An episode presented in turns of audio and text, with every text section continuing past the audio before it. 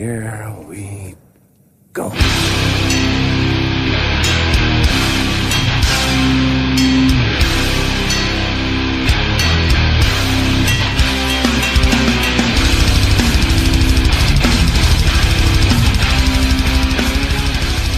Boom shakalak, ner på noll, podcast avsnitt 82. Jag som har ordet heter Daniel Nätterdal, med i studion David Olsson som alltid.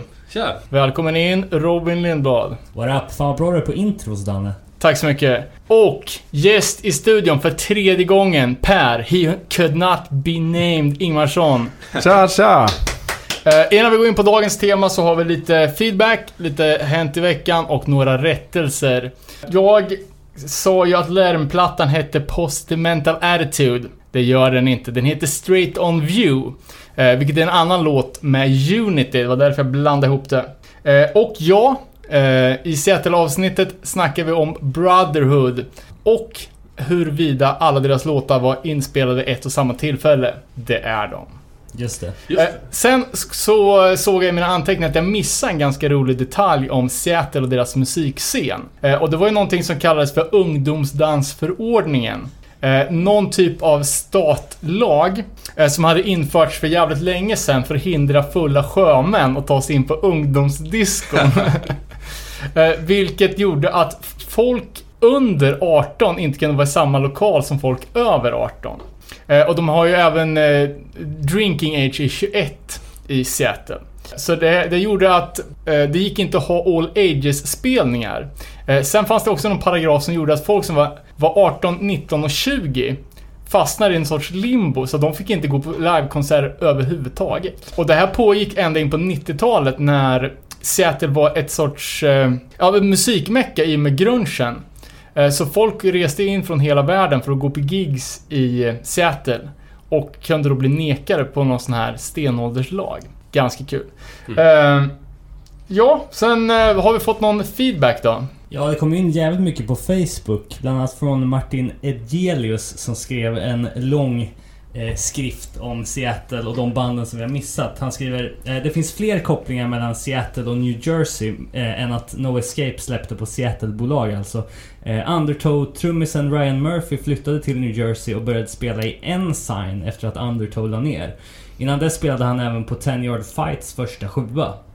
Eh, sångaren John Pettibone gästsjunger på en låt på andra Ensign-skivan också. Eh, I övrigt är jag besviken över att ni knappt hinner nämna två av de bästa Seattle-banden Stay Gold och Sinking Ships. Fast vi nämnde ju båda ju. Ja, det gjorde vi. Och, eh, Tyckte inte någon av dem var speciellt bra heller va? Nej, fast sen lyssnade vi på Sinking Ships efter att vi hade inspelat klart och insåg att det där var ju jävligt bra. eh, Martin fortsätter i alla fall att, eh, eh, att säga att Stay Gold låter som Bane får mig för övrigt att kraftigt ifrågasätta din hörsel, Danne. Eh, det var Stay Gold som var bryggan mellan 90-talet och 2000-talet i Seattle. Sångaren gästsjunger på Champion, Count Our Numbers. Eh, ni borde nog även ha nämnt några av de band från Vancouver med medlemmar som till och från bott i Seattle. Typ Go It Alone, Blue Monday och Burden. Eh, inte heller nämns On med medlemmar från Champion, Go It Alone och Blue Monday. Eller att Lucas McFadden, GIA Champion med mera spelar trummor på Carry On, A Life Less Plagued. Eh, Jims sista band hette för övrigt True ID. För övrigt var det ett bra avsnitt, ursäkta För mig. övrigt var det bra. Nej men det, vi älskar Martin. Bra att någon har iberkoll på Youth Crew. Och eh, speciellt den här välpolerade 92 000-tals Youth Crew som kanske flyger utanför våran radar lite Jag gillar ju fan Go It Alone jävligt mycket. Men jag har aldrig tänkt på det som Youth Crew. Ah, du vet, det där 2000-tals-tugget. Eh, Marcus Kjellman skrev också på Facebook att eh, Jim Champions bror sjöng i Sinking Ships, som även mycket riktigt kom från Seattle. Tycker även att Shook Ones, som är något slags Dan Yemin-dyrkade, hade kunnat nämnas. Eh, de två banden gjorde några spelningar tillsammans i Sverige för 10-15 år sedan. Mark skriver också Bra avsnitt. En senare men också poppis vända av Seattle-band var ju Botch och These Arms Are Snakes. Eh, ja. Alright. Um, ehm, vi fick även in från eh, Hasse som lirade i, i bandet Rosbo. Eh, uh, Himsas gitarrist som även spelade i Undertow var med och spelade in eh, var med och spelade på våran EP. Svensk koppling alltså till Seattle. Eh, sen fick jag in en urgammal feedback från No Fun avsnittet från Erik i Millencolin. Fick du den på brev eller? Eh, jag fick den muntligt citerad, eh, så jag är inte hundra på att det blir helt rätt. Men det handlar ju då om busschauffören som var i en liten clinch med No Fun. Som jag har för mig hette Per-Åke och var en... han, han var knuten till något bussföretag som anlitades väldigt flitigt på den, på den tiden.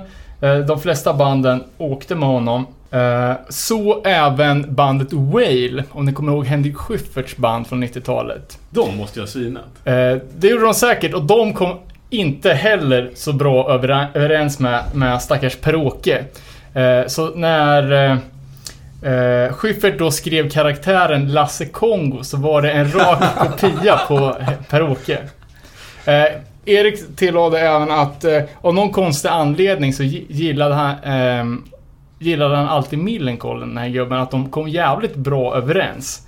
Eh, och att han skulle ta en kula för oss om det så behövdes. Det är kanske inte så oväntat att man inte kommer överens med Schyffert på 90-talet, men ändå. Eh, kul i alla fall. Eh, ja, vi fick eh, på fejan lite från eh, Gabbe som jag inte vet om vi har nämnt. Eh, han säger Shark Attack och Count Me Out Reunion. Eh, Det har vi faktiskt pratat det har vi om. pratat om kanske.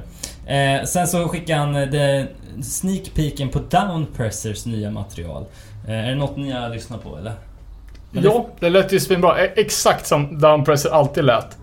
Eh, och sen kom vi in i en liten diskussion där huruvida Downpresser var med i den här Hardcore Predators Instagram-uthängningen. Eh, Ja, just det. Ingen men aning. fick ing, ing, ingen riktigt svar på det. Musikaliskt bra band, kan vi i alla fall säga. Eh, sen så skickar Micke Fritz eh, att vi ska plugga Adhesives sista spelning 1 september i Katrineholm. Adhesive som har gjort Ja, massa, kommer göra massa festivalgig och har giggat under året här och för att samla in pengar till eh, Läkare Utan Gränser och jag tror nu har fått in en 70-80 lax. Ja. Så det är jävligt... Men vad fan, hur, hur kan de lägga ner nu då när skate... Det, vad, vad, sa- vad sa vi? Rebirth of Skatepunk Pride-vågen här håller precis på att skölja över oss. Taskig timing. Ja, verkligen. Eh, ska vi prata lite om eh, gigs vi har varit på då, på senaste tiden? Yes, vi har ju varit på olika prylar allihopa. Ja, men vi kan väl börja med det som är äldst då. Eh, Alive and Well. Eh, 2018 i Stockholm. Eh, det var 9-10 band, mycket svensk hardcore-representation. Vad tyckte du om festivalen Danne? Du och jag var ju där.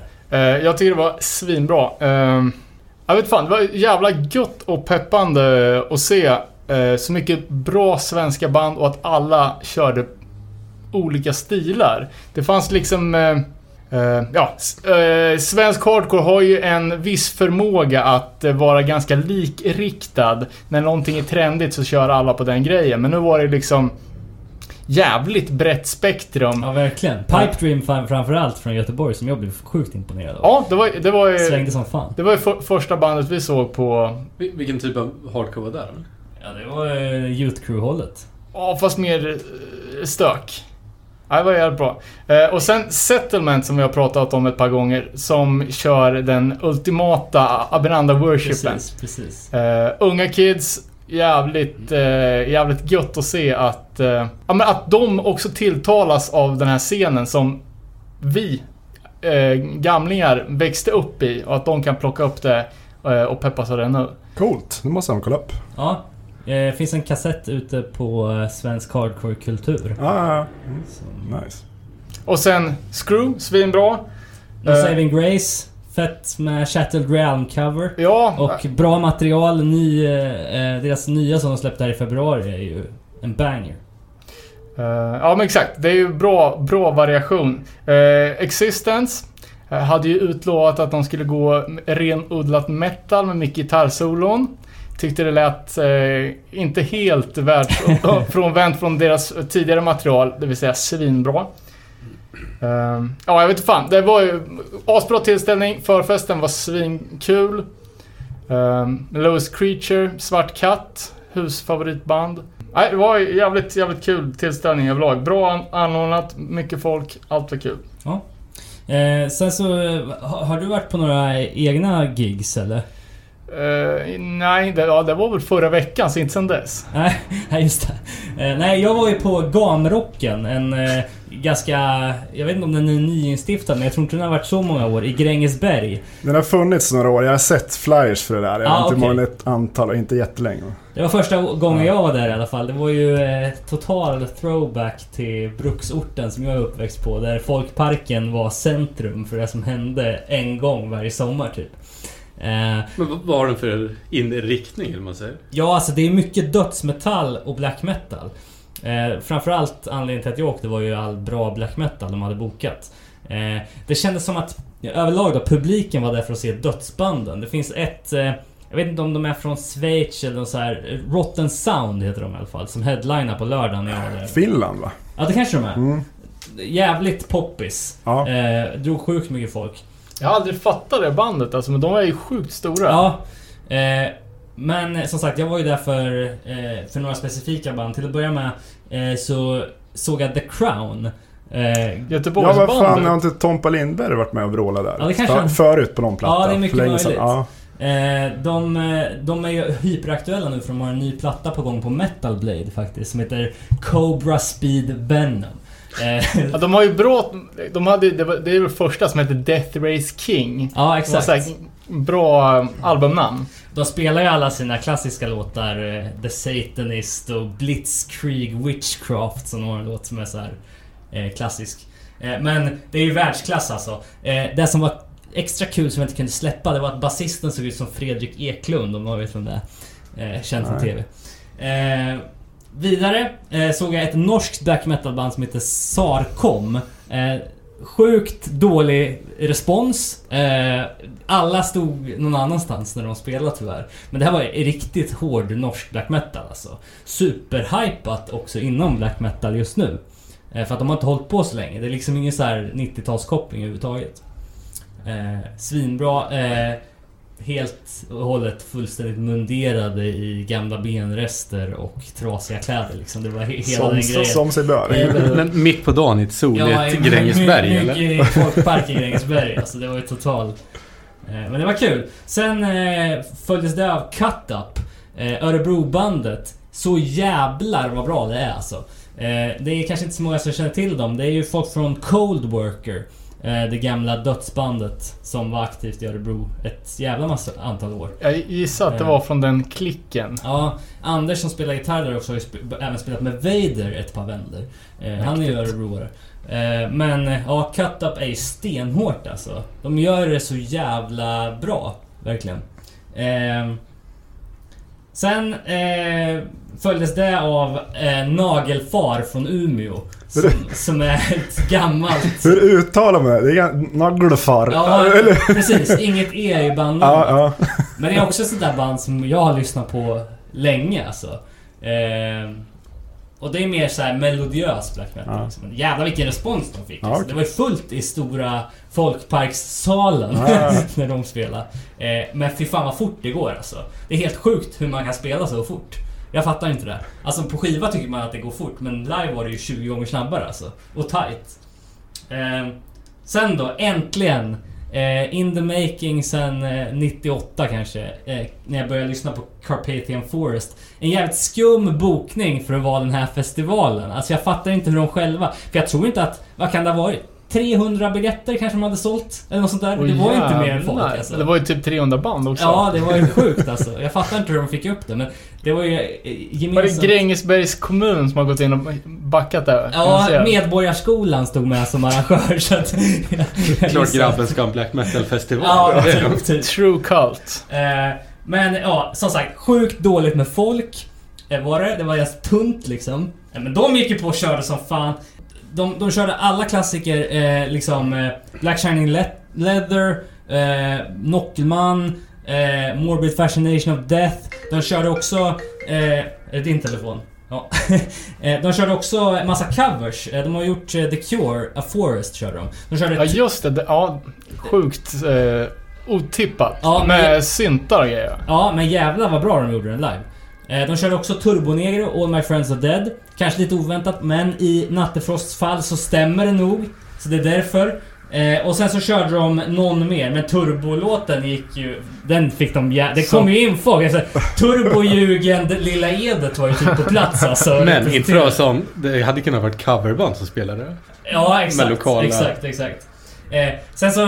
De, de körde massa så här bra låtar som jag ville höra. Sen så gick de av. Alla, det verkar som att folk var trötta liksom, sega. Så alla gick. Och sen kom de ut och körde sitt encore. Jag tror det var... Jag tror det var fyra pers kvar eller någonting. Och han går ut med ett jävla bunke med blod och bara häver över sig själv och sen kör på liksom. Det var... De körde ändå fan... De gav oss vad vi ville ha, alltså helt seriöst. Så Men, det- det men var- du, hur var klientelet på den här festivalen då? Ja, alltså det var ju det var blandade skurar. Jag såg ju liksom eh, mycket Bursum-merch. Jag såg, eh, det var liksom Impaled Nazarene-patchar. Det var liksom... Eh, ja, Var det mycket foppatofflor eller? Jag tänkte säga det, lite såhär foppatofflor. Det var mer så här- Ultima t-shirt där alltså. nej, inget sånt. Det var mer- Skinnvästar och grejer. Sjukt mycket patchade Ja, västar okej, alltså. Men det, man inser ju efteråt att eh, eh, liksom... och Det här, de planerna man har haft ytligt på att starta metalband. Gör inte det. Du väntar 10 år, ät mat, skaffa skägg. Det är då det blir metal liksom. Tyvärr. Eh, så, så, ja. Det var mitt råd till mig själv efter det här då. Eh, ja, men det var kul.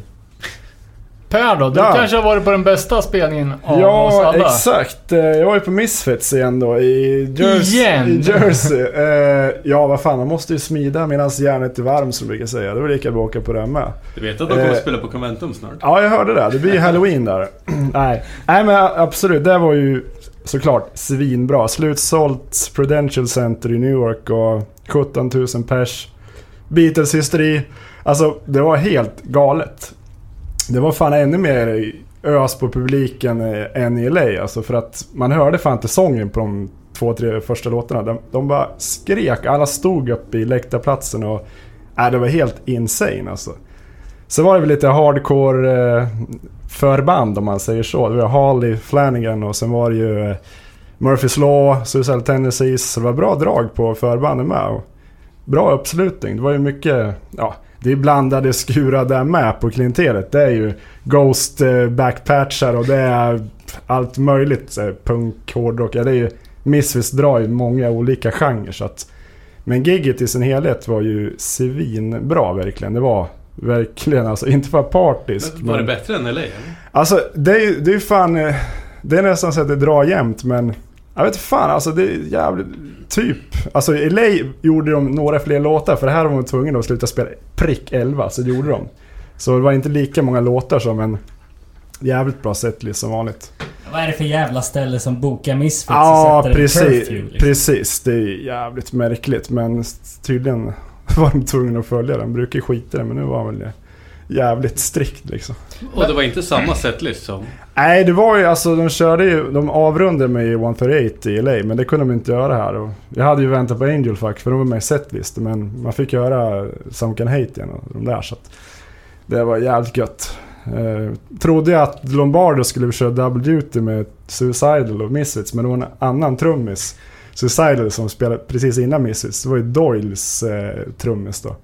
Som Ja. körde in någon kid som jävlar han matar på. Svinduktig alltså. Faktiskt Så- när de, när de spelade på West Coast Riot, då var det någon du vet, jazztrummis eller något som höll... Så låda ja, som så showade som fan. helvete. Ja, Ja, okej.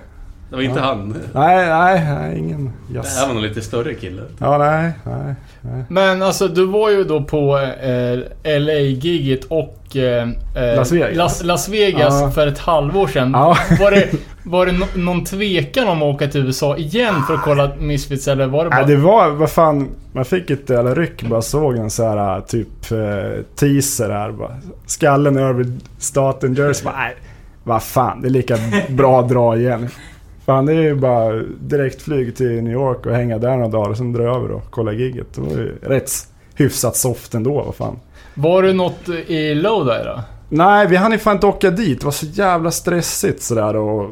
Nej, inte till Loda. Vi funderade på att åka till Loda Pizza och käka. Men alltså, nej, det var några som hade gjort det såg jag. Men nej, fan. Jag, jag hann inte med det. Men jag hann ju med gigget, det var huvudsaken. Träffade ju Frans i koma innan också. Sprang på honom ut, utanför en pub då. Ja, men, kände du igen Ja, ja, han bara... How do you recognize me? By my ball spot or? Han bara... Han var, ville liksom se ner på sig själv för han var dyngflint. Jag bara, nej men vad fan, eh, jag har ju sett han i YouTube-intervjuer så jag kände igen han. Jävligt coolt liksom. Han lirar på hela Static Age-plattan så det är ju rätt fett. Men han, han får inte vara med. Han har väl inte ens blivit tillfrågad. Det var någon som bara, fan, Tror du han köpte biljett eller? nej, fan han skulle ju kolla på gigget. Var någon bara, fan du skulle vara med på scenen. Var så, fan, han, nej, nej det kommer inte hända liksom. Men du träffade inga från Vegas då som du kände... Jo, vad fan, eh, några såna här Die Hard-fans. Någon annan eh, snubbe från Sverige eh, som hade varit på LA-giget i varje fall. Och så några andra, jag vet om är italienarna, han Misfits Tattoo Club-snubben var ju där igen. Såg jag, men jag träffade inte han. Men några andra liksom, eh, Danzigs typ eh, polare polare, Han fotar ju mycket och har den där eh, typ fansidan. Han var ju självklart där liksom. Så här. Men många andra som har flugit in från, jag vet eh, Spanien, Irland, England, eh, Danmark. Så det var ju bra uppslutning där med. Äh, grymt, grymt gig var det. Har det gått snack om några fler spelningar? Alltså, förmodligen kommer de ju se att det här är någonting som drar folk som fan. Jag tror inte Danska fattar det förut. Att han vill ju bara, han är så egen, han har alltid vill köra sitt race liksom. Nu ska han ut på 30-års eh, Europa bara. Men de kommer inte kunna tacka nej om det är folk som erbjuder dem fett med cash. Då kommer de ju alltså, det, det tror jag. För det är ändå så jävla smakfullt av att de inte blåser ut på den stora Ja men du vet, gör alla festivaler direkt. Nej, precis. Utan att de, att de kör exklusiva Ja. one-offs. Ja, ja. Det, det är så de gör hypen och det är så de säljer slut. Det här sålde ju slut direkt det här med liksom. 17 000. Var det svårt att få tag på biljetter till? Ja, det, nu satt jag fick här pre-sale code av någon på ett forum som bara... Där var ju fan räddningen tror jag. Fick ju GA, alltså General Mission, nu med. För det är inget kul att sitta svinhögt upp på en läktare med typ kikare och kolla på Misfits. Fan, det lär ju Och att förta... dansa ganska kort så nu ska Ja, precis, precis. Nej, vad fan, det här hade varit B. Man vill ju stå... sa inte Doyle att de skulle spela in en skiva? Nej, det tror jag inte. Jag har fan läst den någonstans. Ja, det var ju förut, 2002 var det ju aktuellt, fick man höra i efterhand. För det var så jävla... Nej, jag tror att det här var senare. Men han, de säger, de, de har ju frågat Ansi bara fan kommer det bli energi? Ja, han, han vet inte. Det kommer han få skriva den. Jag vill nog fan inte att de gör det för det kommer låta metal och han kommer vara, ha raspig röst typ. Eh, nej, nej. Men alltså, eh, hur, tillbaks till biljetterna då. Var det lika sjuka priser som Ja, ja, det är, det är ju det är 200 dollar plus för en eh, general mission. Så att eh, de ser väl sin chans. Folk pejar ju, de säljer slut. De drar in asmycket stålar på det. Så att de, de lär ju inte sänka, ha någon låga biljettpriser om de kommer göra mer. Det tror jag inte. Det är, ja. Förmodligen om det blir Europa så jag kan jag ju tänka mig folk börjar spekulera. Ja, London eller någon festival liksom. Får se vad som händer. Ja, det är ju sjuk respekt i alla fall att du har plockat alla gigs hittills. Nej Alltså. fan, jag kör inte Riot Fest. Ah, okej. Ja, ja. Just Men eh, nej, det räcker att sett dem tre gånger i alla fall. Tre gånger mer än någon här har gjort. Ja, precis. Eh, ja, ska vi ha avklara lite nyheter från veckan som har gått då? kan vi göra. Ganska mycket roliga grejer. Jag kan börja med att droppa den mest... Vi brukar snacka om udda merch. Nu är det den mest, mest tippade merchen ever. Social Distortion brylkrämen.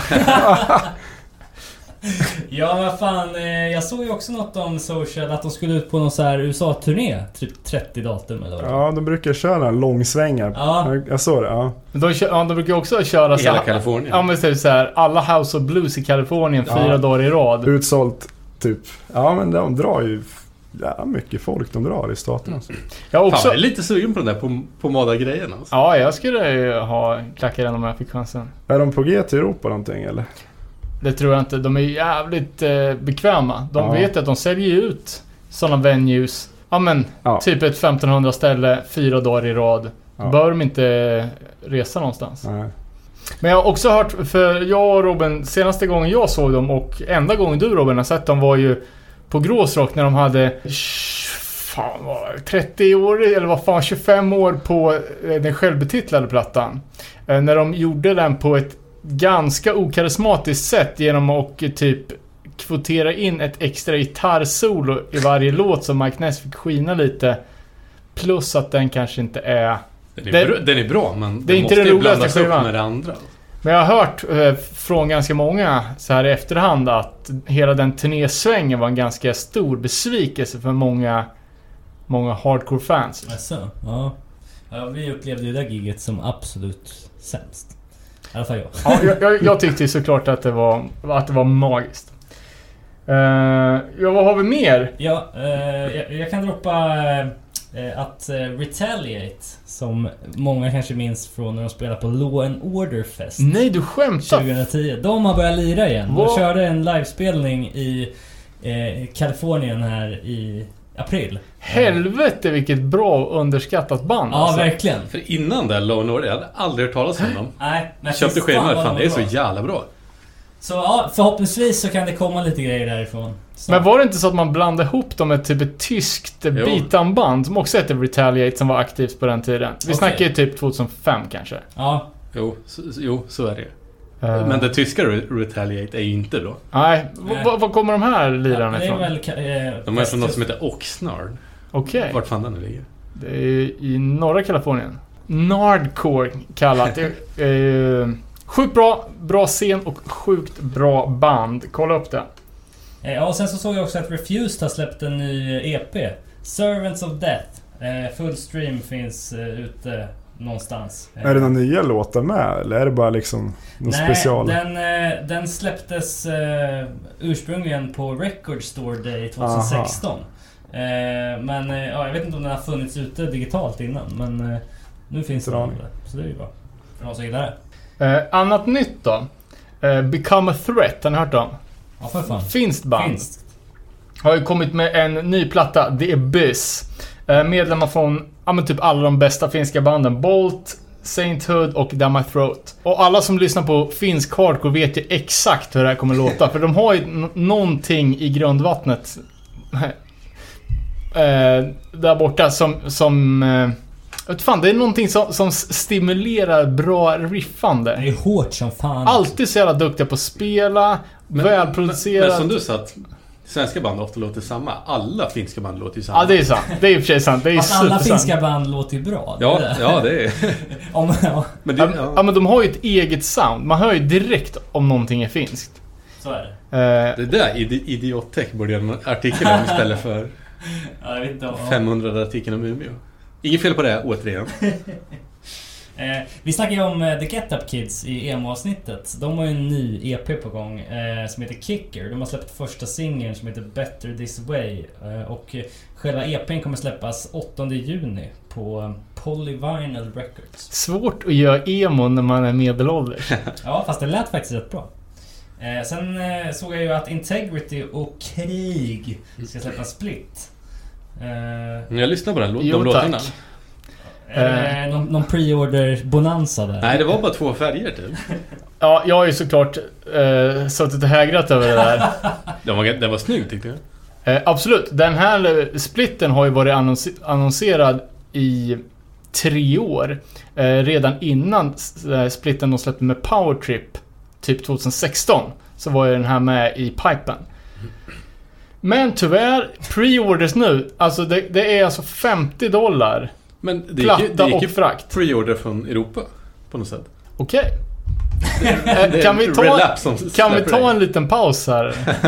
3 augusti ska den komma i alla fall. Ja, för, för jag, satt, jag, jag satt och kollade på Relapse och skulle, eh, och skulle lägga en... Jo men exakt, Re- Relapse är väl europeiskt? Ja. Men det är fortfarande eh, frakt från USA. Så det är 20 dollar för Jävligt plattan och dyra 30, låtar. 30 dollar. Ja, det är exakt. Fyra låtar plus en eh, Gizmo cover. Men du, du som kan black metal, är krig känt eller? Det står ju som någon sån här cult black metal. Typ.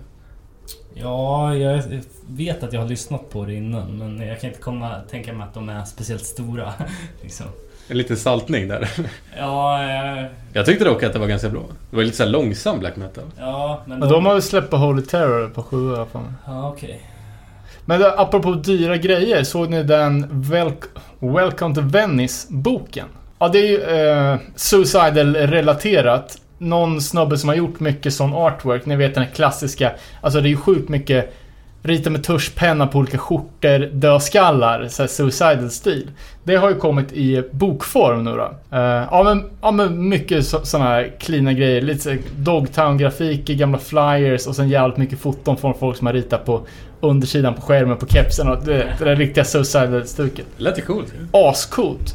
Men bokjäveln kostar ju... Jag tror den kostar f- 45 euro att beställa från, eh, från Cortex som den enda i dagsläget som har den från Europa. Om man inte ska köpa den på Adlibris, vilket är lika dyrt och det vill man inte göra. Oh! På tal om dyra grejer. Agnostic hade ju något jävla jubileum här. Kan det vara tusen år sedan Winnie Stigma föddes eller vad det var? Så då släppte de ju en eh, repress på United Blood, första sjuan. Eh, och den har ju inte... Den har inte återsläppts sen Bridge 9 gjorde det på...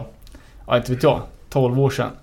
Och var inte det bara en bonus till en LP då?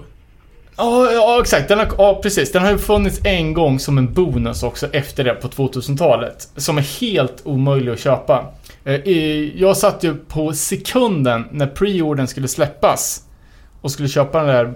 Eh, eh, fan heter den? Ja, skitsamma. Den eh, gamla diskografi-LPn med den här bonus 7 Och då var, var den slutsåld med bonusen. Sen dess har den bara figurerat typ på Ebay till överpriser. Så jag tänker ju att de gjorde bonusen, släppte den aldrig utan bara pumpat ur den en efter en. Skitsamma. United Blood har nu släppts då. Eh, jävligt clean. Eh, släppt direkt av bandet. De har gjort tre olika varianter. Eh, med stämplar på labels och på, på sleeven. Eh, Så det, det vanliga livefotot och sen har de stämplat den. Och det är typ så här limiterat till 93x av varje. Tre sorter. Eh, Och det där såldes bara på det här eh, jubileumsgigget. Skiten gick ja, såklart dagen efter upp på Ebay. Folk är dumma i huvudet. Nu vill jag höra en gissning på vad det- den här såldes. Som släpptes alltså tidigare i veckan. Ska jag ta i lite? För, för en. 7000. Svenska kronor. Ah, Okej, ja det var ju sjukt mycket. Eh, Den, ko- eh, den- den gick på 420 dollar. Uff. Det är galet. För en, sk- en sjua, en reissue som släpptes i veckan. Det är, Det är helt ja, galet. det är Och man kan säga att alltså för... Jävla, nu är ju skivsamlarmarknaden helt galen. Men alltså för fem år sedan så var ju första pressen på United Blood en 5000 kronors platta. Och nu är nytrycket från i måndags uppe på 4 och 2. Det är helt galet. Ja, det är helt vansinnigt. Ja, ja det är... Du får, får försöka åka på nästa gig då när de släpper nästa limiterade repress. Ja, jag vet fan, jag har, jag har ju i alla fall lyckats lura mig själv till att bara samla på originalgrejer, så jag slipper det där. Ja, det där kan du betala flygbiljetten fram och tillbaks. Ja, det, eller hur? Eh, dock en reissue som släpptes här i veckan som jag köpte. Crippled Youth 7 Join the Fight. Mhm. Ex, ja, det är ju Youth of Todays eh, lillebrorsor utifrån... Eh, de är väl också från Connecticut har jag för mig. Eh, släppte en sjua tidigt i Youth Crew-vågen 86. Eh, när Crippled Youth, som, som sen blir Bold, de var typ 12 bast. Och det är så jävla charmigt och så jävla bra. Eh, Den här Revelation nu återsläppt i veckan eh, med en 28-sidig booklet. Eh, vad var frakten på den då? Eh, ja, jag kommer inte. Det var typ rimligt. Jag tror jag betalade 300 spänn med frakt från Revelation. Jag såg även att Cortex hade den om man vill köpa den direkt från Europa. Eh, ja, det är i alla fall ett värt köp. Jag kan eh, hoppa mellan dem med att eh, ett av mina favoritband, Rise Against, har annonserat en ny compilation-platta. Eh, du behöver inte titta på mig sådär David, för du vet lika väl som jag att är det några akustiska bangers på den här plattan så kommer de åka på 0030 nästa gång vi har suttit och kollat på film. Eller vad fan vi nu gör. Ja, i alla fall kul. Sen så... var det ju den här Chromags-beefen. Som vi kanske kommer in på. Eh, det handlar ju om Harley Flanagan vs John. Joseph. och eh, nu är det så att eh, Harley Flanagan har sagt att han har skickat in då en stämningsansökan mot John Joseph för... Och Paris va? Ja, precis. För ägarskap av Chromax-namnet då. Eh, det var ju som först rapporterat av The New York Post. Står det här. Så är det en federal stämningsansökan som har kommit in till Trademark and Copyright Infringement. Eh, ja, för, för liksom ägandet av namnet Chromax. Men heter hans nuvarande band alltså Harley Flanagan Hardcore? Alltså, eller vad fan, det alltså, väl, eh, det står ju hard, så, Jo, det heter ju Hard. Ja, men det var liksom hela backdropen bara Hardcore på Ja, Prudential alltså- alltså- Center. Bara, ja. Ja, exakt. Ban- bandet heter ju Hardcore. Nej, är det sant? Ja, Jag trodde det hette Harley Chromax Flanagan. Nej, nej, det är typ så här, bara en överskrift. För det står ju på Iper-postern. Ja. Fick jag för mig. Ja, och, och på den nya... Han släppte ju en ny platta i år. Så han är jävligt Ja, eh, just det, just produktiv. Man fattar att den här stämningen eh, kommer nu. För han har ju precis lanserat en eh, helt ny kollektion med merch. På, ja men alltså, Best Wishes, merch till, till tusen med ja, alla jävla varianter du kan tänka dig. Plus att han har släppt en eh, Chromax Age of Coral Demos 82-83. LP som är... Ja, okej. Så det här kom ut i veckan alltså? Ja, Men stämningen var ju både för namnet och för merch. Ja, precis. Jag tycker det roligaste var ju när man läste John Josephs statement efteråt och man tänker hans röst bara Let me state these facts for the record, bla bla bla liksom. Eh, och och ehm, argumentera för sitt case. Liksom. Eh, I eh, en och en halv, två sidor lång. Men vad, vad är liksom grunden till denna beef? Ja, det är väl att Harley Flanagan har försökt återförena Chromax i flera år men ingen av de originalmedlemmarna vill ha med honom att göra. ja men alltså, Nej, det är ju Jo- det är John så- Joseph har ju turnerat som, oj, som Chromax sen, Jo, men sen, alltså, sen Harley hoppade av typ. ja, men Harley påstår ju att han har försökt återförena bandet under flera år men ingen av dem vill göra det med honom. Men, ändå Men, så men grejen är väl att eh, båda två, JJ och Harley, är typ psycho och eh, iber-egos. Så att de går inte att vara i samma, i samma rum och sen så stämmer de skiten ur varandra fram och tillbaka och beefar. Det låter som en sån här Misfits-grej nästan. Ja, ja, Men men, ju- och Glenn typ Danzig. Ja. Men nu måste han vara glad för han fick ju spela förband till Misfits. men Harley- det, det som jag blev... Alltså, jag har inte valt sida. Jag är ju... Eh, har, ju bestämt mig att jag är ju varken eller, för jag tycker båda är ganska sluta. Men när man såg på kommentarerna när den här nyheten postades var ju att folk... Det var jävligt oproportionerligt många som började hacka på att John Joseph var vegan och bara Fan vad skönt att den där jävla veganen eh, blir stämd. Typ det var det, det folk hade emot honom. Är inte Harley det också? Jag tror det. Och Age of Coral handlar ju, alltså de har ju, alltså de har ju alltid varit ett vegetariskt gäng. Och, och Men det är- verkar inte det är de där jävla- som har skrivit alla texter. Meatheads fatta. Ja, nej men det, det är bara så jä- jävla konstigt. att bara, ha, hatar på John Joseph att han inte käkar kött. Uh, över rättigheterna till en skiva som handlar om inte käka kött. Skrives av en snubbe som inte käkar kött. Det är bara så jävla, du vet, internet-genier. Jag kan dra två snabba släpp då innan jag är färdig för dagen med nyheter. Det ena är Comeback Kids nya sjua Beds Are Burning. Det är en cover sjua av bandet Midnight Oil. Va? Ja, eh, gamla- det sjukaste jag hört. eh, Och eh, sen så Mighty Mighty Boss Tones har släppt en ny singel från kommande plattan While We're At It som kommer släppas den 15 juni. Ursäkta att jag skrattar. Jag såg ett jävligt otippat släpp. Det engelska bandet Nine Bar har släppt en ny skiva. just ja. Det var ju sjukt random tyckte jag. Jag tror de hade lagt ner för tio år sedan. ja. Ruction Records Still Alive. Uh, apropå gruff då. eh, det annonseras redan i morse, eller senast i morse, eh, att New Jersey Bloodline ska återsläppa sina grejer i samarbete med uh, Filled With Hate. För de, finns fortfarande också alltså. Tydligen.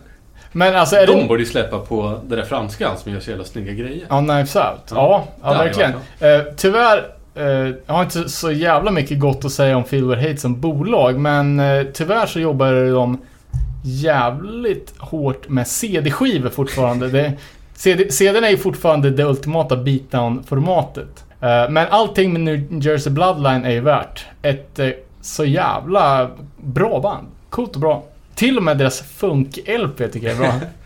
Mindre bra, men det första är jävligt gött. Eh, sen såg jag också en, eh, en liten blänkare. Charlie Harper eh, från UK Subs. Fyller 74 häromdagen. S- Still, still going strong i Ja, punksvängen de alltså. kör fortfarande. Ja. Ja. Ja, och UK Subs har vi snackat om förut. När de blev första bandet i världen som klarade att släppa en fullängdare på alla alfabetets bokstäver. Åh fan. Det här minns jag inte. Vad kul. Ja. Ja men fan vad kul, vad kul. Eh, jag ställer mig upp här så jag når micken. Eh, var vi klara där med Hänt i veckan? Vi har manglat på bra. Ja, det var en timma. vi, Jag, vi, vi kör en liten paus och sen drar vi in på Sam Hain special. Yes.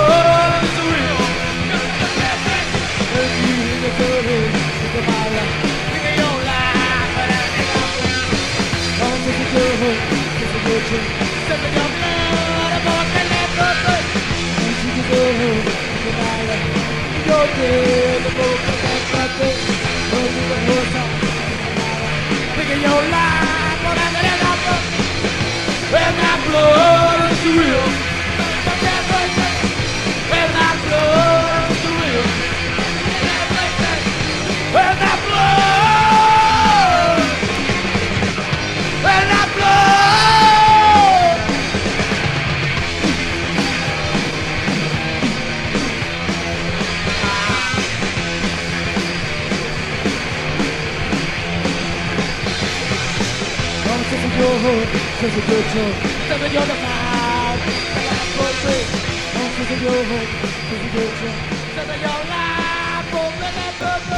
hörde du att... Jag, jag skickade den idag, någon artikel om att eh, dansare uttalar sig som Trumps muslimban. Jaha. Eller du vet, att de kollar... Okej, ja. Att... Jag vet... Du läste det också? Att, ja men det är så jävla, det är så jävla tippat också. För han är ju... Ja. Men först var det någon utläggning, det här är ju skumt, men någon utläggning om att så bara, men fan, vi måste ju kontrollera vilka som kommer in i landet, typ. det, här, det här går ju inte, typ. det är bra. Och sen kom det mest flummiga när han typ påstod att bara, men jag vet precis hur det är för en gång när jag skulle åka till Kanada fick jag inte komma in där. Och, och då var ju typ senast 78 förmodligen, de Ja. turnerade på Bullet 7 Ja men det är, ju- han är ju så verklighetsfrånvänd så att han ser liksom att det är ju typ ungefär en lika stor världshändelse. Men citatet var ju Yeah, but I know, I know the fe- I went to Canada and they didn't let me in. Where's my parade? Where's my protest? Ja, det låter som han. Men det är ju, jag tänkte att han är så jävla dålig på, han måste ju, det att man kan dra pa paralleller. Han kan inte Ja. göra det. Nej. För det han sa till dig och Lill-Danne. Ja, ja Om- men vi, om vi att- kollade ja, vi var på Legacy Gig i bara. Att vi flög in från Sverige bara. Ja, that's nothing. Flew to Australia bara. That's drag. Ja, jo men vad fan. Du fick betalt för att Jag- åka ner och gigga liksom. Så att det är väl en helt annan grej. Och, och att Trump inte vill släppa in muslimer. Ja. Det är inte samma sak som, Nej. som att du inte får åka in i Kanada. Nej, det är det fan inte.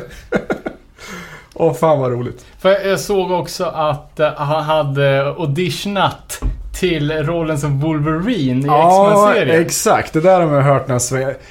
Jag tror, jag tror han liksom scammar säger nej men fan jag var inte så peppad på att göra det. Det fanns ju säkert bra mycket bättre skådisar och så vidare. Så, att, så jag tror han bara, s- den bara säger, han var ju, grät säkert sig till sömns efter Ja, audition. dock, liksom. dock är ju personcastat jävligt bra för han är ju typ. Ja, jag vet. Han läser ju de eh, tidningarna, eller gjorde då, jag vet inte. Men Men, ja, för han, sa- han sa ju bara det funkar inte med mitt så här, hårda turnerande så att jag kan inte vara borta ett halvår och spela in en film. som att det var det som var... Men han är med i någon film, eh, Christopher Walken-film. Proper, vad heter det? Jag vet inte uttala. Men han har någon biroll. Ängeln Samuel eller någonting. Han är... Jag vet, det finns en jävla klipp. Men det är väl inget så här, Det är väl det är han, hans fame på bioduken. Det var väl väldigt kortvarigt. Men vad fan, eh, när vi hade Misfits-avsnittet. Eh, då snackade vi ju om... Eh, och rättigheterna. Ja, Eh, och då har jag för mig att vi kom fram till att de hade en jävla joint venture, eh, spl- splittade på rättigheter till merchen, men att Danzig hade all rättighet till musiken. ja han har ju rättigheter till låtarna. Har han ju. Och sen har ju Danzig sin egen liksom merch store och sådär. Liksom. Ja, ja, men, ja, ja, merch, men ja. jag läste nu Men, att... men Misfits kläder. Ja. Ja, exakt, de, H&M till exempel. Vem, vem tjänade pengarna på det? Ja, Danzig en del. Ja, det var han som licensierade ut det, eller Ja, hans typ bolag. den här bomberjackan som Ja. Finns. var jävligt fet Alltså, tyvärr. det tror jag... Det var fan Glenn, Glens eget. För det står, står jag har inte kollat, men folk sa att det var det, så förmodligen. Ja men eh, exakt. Att För de, jag har haft någon Mis Misfits merch. Där är det någon liten text under skallen där det står ett bolag typ. Ja, Cyclopian det är ju Geronis. Och står det typ Glenn Danzig i live, ja då är det ju hans då, så att, men, men grejen eh, med, med rättigheterna till musiken att, att eh, Danzig har ju inte rättigheterna till musiken längre. eh, men hur då? Alltså... Han sålde all... Ja, du menar så? Ja, till Caroline ja. Ja, han har ju ja. sålt allting till Caroline. Ja, ja. Men det är liksom när de spelar så... Jerome, nu, om man nu kommer göra det igen. Han får ju liksom framföra låtarna och så, men Ja. själva musiken, precis. Han sålde ju... Jag för mig allt utom Walk Among Us, för den är fan inte med liksom sådär. Boxen. Ja, men det var ju med på Record Store där i och för sig släpptes den. Ja. 2012 på färgad. Ja, men Färgade. f- för vad jag läste så, så sålde han alla mastertapes och alla rättigheter över till Caroline för 1,5 miljoner dollar. Ja, det kan ju stämma. Jo, jag har hört, för jag har hört intervju med Lyle Pressler från Ja. Marcet. Han har jobbar ju på Caroline då. Så Ja, just det. de Just fick det. ju ringa, jag vet inte om du snackade om det här i missavsnittet, men de, de fick ju ringa och tjata liksom på eh, typ Danzigs farsa till slut. Bara, han är inte med, det finns han bara, du kan du skicka över Static Age? Det finns ingen sån inspelad, det är någon som har ljugit för dig. Till slut kom det en Ja, men- svinstor med box med alla rullband, allt kom liksom till Caroline inför boxen då. Ja, men exakt. Och att 1,5 miljoner dollar är inte Det är så... det är skitmycket. Är det? Eh, med, ta- med tanke på att eh, alltså Caroline var ju ett uh, fake indiebolag med major label backning. Men det var ju alltså för ett band som inte har lirat på 10 år och som inte var så... Alltså, det, det, kanske var, inte var kult på det, samma det var en, en jävligt stor chansning för Caroline. Ja, vad fan. Caroline, de släppte Men idag hade det mycket... varit dyrare. Caroline, de, de kom in... Ja... Ja, för, idag ja. Ja, idag. Ja, ja, ja, idag. Och Spotify och... Men Caroline kom in där eh, mitten på 80-talet. De började ju släppa uh, reissues på Misfits-plattor och uh, releasa Samhain-plattor. Så att de kom in ganska tidigt där. På, I Glens karriär. Jo men de var ju på allting som var bäst. Och de släppte ju med Warzone, Bad Brains, Ja, alltså ja. allt. Men jag hörde också att re, bara på boxen så tjänade de in alla ah, de här 1,5 miljoner dollarna. Ja. Så efter att de hade släppt boxen, som var jävligt alltså... Ja, vad fan. Det var en ganska spektakulär box, eller är Ja, det fortfarande... var jävligt cool när den kom. Jag köpte en på Dirren såklart alltså. Hot stuff i Älmhult. eh, Vad, vad 700 kostar den spänn. då? 7, 7 eller 800, någonstans där, 96. Eh, våren jag- 96, så att det, ja. Jag har också den, men jag har tappat bort den jävla pinnen. Ja okej, nej, Jävla den, är, den är kvar. Den hade jag ibland så här, på jackan, men nej fan lite risky business. Men Ja, den är ju det- typ lite gulnad nu så. Ja, men har, du, har ni gul pin eller? Ja den, blir, ja, den är ju gulnad, den var ju vit från början. var fan vit. Ja den är ju För jag för mig att, att det ska vara gul pin på första pre pressen. Nej, nej Är det fan. tvärtom? Ja, andra pressen är ju liksom skallarna helt stort på skivorna. Första pressen är en specialskiv, det är så etsat. Eh, en liten skallehörn och alla låtar liksom så här. Fan, ganska tunna plastkonvol liksom. Det, det är Mm. inte en vanlig, vanligt omslag, det är liksom tunnare, Hur sa andra plattare. ut då? För det, det måste ju vara den jag har. Rishun är ju liksom Crimson Gold-skallen stort på alla skivor. Ja. Eh, och så var det ju en special på första pressen med eh, Static Age, så att det var som ett skjutbart eh, lock man drog ut så här. Sen var ju skivan där. Liksom, det var första gången Static Age släpptes. Det var ju fett som fan också. Hmm, Och ja. alla sessions, man håller på att svimma när man hörde dem liksom. Från Night of the Living Dead 7, man- som Spook City fullbandsversion och... Det var ju så jävla grymt. Ska Fan, jag måste- en, en ny jävla kista? Fan, jag måste hem och, hem och kolla. Jag har alltid trott att jag ha- hade första pressen på, på den där boxen. Som är då i 50 000 ex. Ja, jag vet, det är sjukt jävla mycket. mat i första press. Ja, ja, ja, men de sålde väl slut på den. Ja. Så att eh, det var ju inga problem. Fan, jag var ju och uh, skopade runt lite på att köpa Samhain-boxen Ja. också. Eh, och den är ju också, det är, minst 1000 spänn. Säkert 1500. Och vill du köpa den på direkten så är det 2000. Ja. Eh, Den är inte lika snygg. Nej, Nej men det är bara för att. Plus att den där VHSen som Ja, det- är jävligt bra. Det är, ja, det är coolt så fan. För det var ju liksom, det är encores på deras sista gig, när så här Blood Show. Det är jävligt coolt. Fett man såg det första gången. Det var, man hade ju sett några fåtal så här videos på som men det där var, var faktiskt osläppt. Så det var jävligt coolt. Men Du, du, du har den också gissar jag? Ja, ja, den köpte jag också direkt. Hot stuff. De hade bra, alltså den kom ihåg 2000, hösten 2000 och sådär. Det var ju snack om den skitlänge att den skulle komma ut säkert mitten på 90-talet men till slut kom den ju. Och, Ja, jag, jag, hade, jag hade den på, på lur fr, Mm. från eh, Red Squirrel. Eh, som, som brukar ha mycket, mycket bra grejer. Eh, bland annat en första press på Reagan Youth. Ja, det är lite Samhain-koppling. Al Pike. Ja, eller hur? Eh, de hade bara vinylen. Och det är just att eh, den eh, första pressen på den plattan är ju typ helt omöjlig att få tag på. Den enda skillnaden som, som finns är ju att det är ett, ett eh, något jävla intro.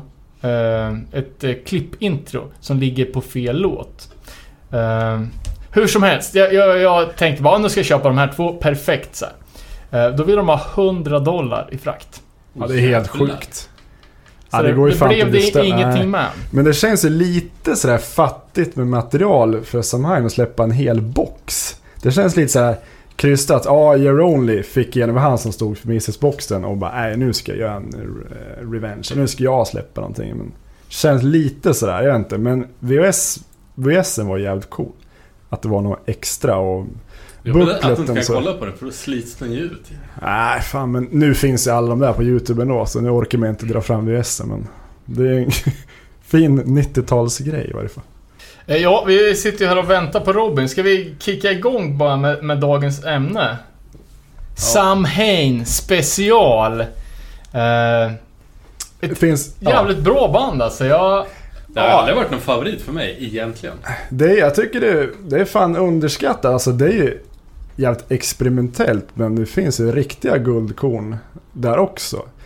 Sa, det finns olika uttal. Samhain och grejer. Det är ju alltså Pagan Halloween. Det är ju, det finns olika uttal men det känns lite överkurs att hålla på och säga. Man säger ju Samhain eller Samhain eller... ja, men precis. Det, Han, fan, han det, sjunger väl i intro på en låt också? Ja, Han sjunger s- det. sa, han, sjung, han sjunger ju i November Coming Fire sjunger ju Samhain. Grim. Samhain Grim och sen Summer Samhain of My Soul i eh, Danzig-låt på första plattan. för det ska finnas... Det finns ju tre olika... Alltså det här är ju galliska. Eh, tre olika originaluttal. Det är ju Samhain, Sowin och Samhain. Eh, på de olika dialekterna då. Eh, och Danzig tröttnade väl på att det var ingen jävel som kunde uttala det. Så då för han det till Samhain. Ja, det blev så.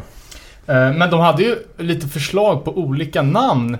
Uh, Först var det ju tänkt att de skulle heta Glenn Danzig and the Archangels. Ja, precis. Det där läste jag i en, en senare, ganska ny intervju att varför hette inte det här från början? Nej, men Bill Idol hade ju släppt solplatta då, men vad fan, han hade ju börjat släppa solplatta typ 81. Det här var 84, så jag vet inte om det var därför heller.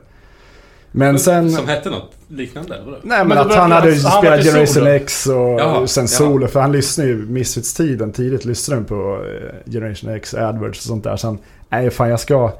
Nej nu kör vi ett bandnamn. De hade en låt som hette Samhain och sen, nej vi kör där. Så, Ja, jag så tycker det- fan att det är jävligt bra bandnamn. Det är coolt. Det är, det är, de var ju liksom det svarta fåret. De spelar ju svart musik. Så att det, Vä- Väl etablerat i alla fall, så man har ju vant sig. Eh, de hade även förslag på att det skulle heta eh, Glenn Danzig and Wolfblood och Glenn Danzig and the Wolfbane. ja, och sen även bara Danzig. Jag har också eh, hört att det skulle heta liksom, redan från början. Men det var, ju var det inte lite udda era, alltså köra sån musik de gjorde när hardcoren började liksom komma, igen, komma igång och bli ganska så här, grov, lite mer metalbaserad. Då körde de något helt annat. Det var väl lite därför också eh, han ville göra något annorlunda. Ja, för det, det är ju vä- väldigt annorlunda. Ja, för han, de vill ju... ja. Ja, för, men för allting. Jo, för han ville ju starta någon supergrupp typ. Han åkte ju, han flög ner till DC och började repa med Brian Baker och Larry Pressler från Iron Threats. För att han hade alltid gillat Iron Threat men han gillade inte Ian Mackays sång riktigt. Så han, nej nu jävlar kör vi något Men bra. det måste ju synkat jävligt bra för det låter ju inte alls som man... Nej, nej, de... de Men ska vi ta, ja, vi ta och back, backa bandet till de sista dagarna av Misfits? För att eh, konceptet Samhain, eh, alltså idén har, hade ju funnits länge hos, hos pappa Glenn. ja, och eh, man läser ju ofta om att många Samhain-låtar är gamla Misfits-låtar. Eh, och vice versa. Precis. Vet du Per vad som, som gjorde att det började knaka i bandet? Eh, Misfits. Ja, men det var ju, mycket var ju att eh, Jerome och Doyle jobbar ju på sin farsas machine shop där och eh, typ jämt. De kunde ju bara gigga helger. Danzig, han ville ju gigga mer hela tiden och så här så att eh, det var bland annat det, plus att han började väl tröttna på den här punken, att de kände slaniga live och han tyckte de var lite så här cartooniga. Han sagt i en intervju, liksom, det står ju lite i American Hardcore-boken också. Lä- Att han vill liksom... Han, han försökte ösa på som fan. Det spelar ingen roll hur eh, cool och vild jag var på scen. Jag hade två liksom seriefigurer bakom mig. Det bara tog att få ett slut. Ja, jag, jag läste att eh, eh, Jerry och Doyle, eh, ja, svårt upptagna i farsans verkstad. Ja, Eh, och att de helst såg att, eh, det var väl Robo och Glenn Danzig på den tiden, eh, eh, Earth AD-tiden. Att eh, de tog vanen med all utrustning, åkte ner till spelstället eh, och så flög de bara in Ja, och rakt upp på scen. jag läste det också. Plus att de började lyssna på, typ på Van Halen och sånt där. You're Only och eh, Doyle och, och Danzig hatar ju sånt där. Han kunde liksom lyssna på Motörhead för det var liksom punk med dubbelstamp. Liksom. Det var det han gick igång på. Så att, Ja, men liksom om man, ja. om man, om man lyssnar på, på Misfits-avsnittet eller på annat sätt har snappat upp eh, eh, Christ the Conqueror så vet man ju ungefär vilket mindset Det bröderna... är, det är så jävla roligt det där. För de, de liksom skyller ifrån sig. Ja men det där var ju musik för att prova om våra instrument höll som vi byggde i verkstaden. Yeah, right. Det var... eh, ja, ingen Men Misfits har kommentar. ju alltid varit lite, lite plo, inte plojigt men... Typ Ja. det är svårt, Ja, svårt det, att säga det, är alltså. det, det, det jag tycker också fan, man tänker så men, men lite mer humoristiskt. Jo då. men det är ju, jo Det är fan, inte lika det- mörkt nej, som nej som precis. Sammy. Det blir skräckisar och sådär. Men sen när Ja. de gled över på Earth D, då börjar det bli liksom, dra lite, börjar bli lite mörkare ändå. Men ändå. Ja det är som Blood Feast och eh, Death Comes Ripping och sådär. Som senare. Ja, de, han fick ju lägga till de låtarna på D. För det var ju tänkt som Samhain-låtar. Ja men precis, för att de inte fick ihop till Ja, en ja. hel LP. Ja, ja, han hade även börjat skriva som All Murder och Guts All Fun och He Could Not Be Named. Det är ju skrivet under Misfits-tiden till exempel. Så att de hör man ju att det är ju liksom lite Misfits-vibe ändå innan. Eh, och jag, jag, jag läste att mars 83, det är första gången han nämner det här nya projektet offentligt i en intervju.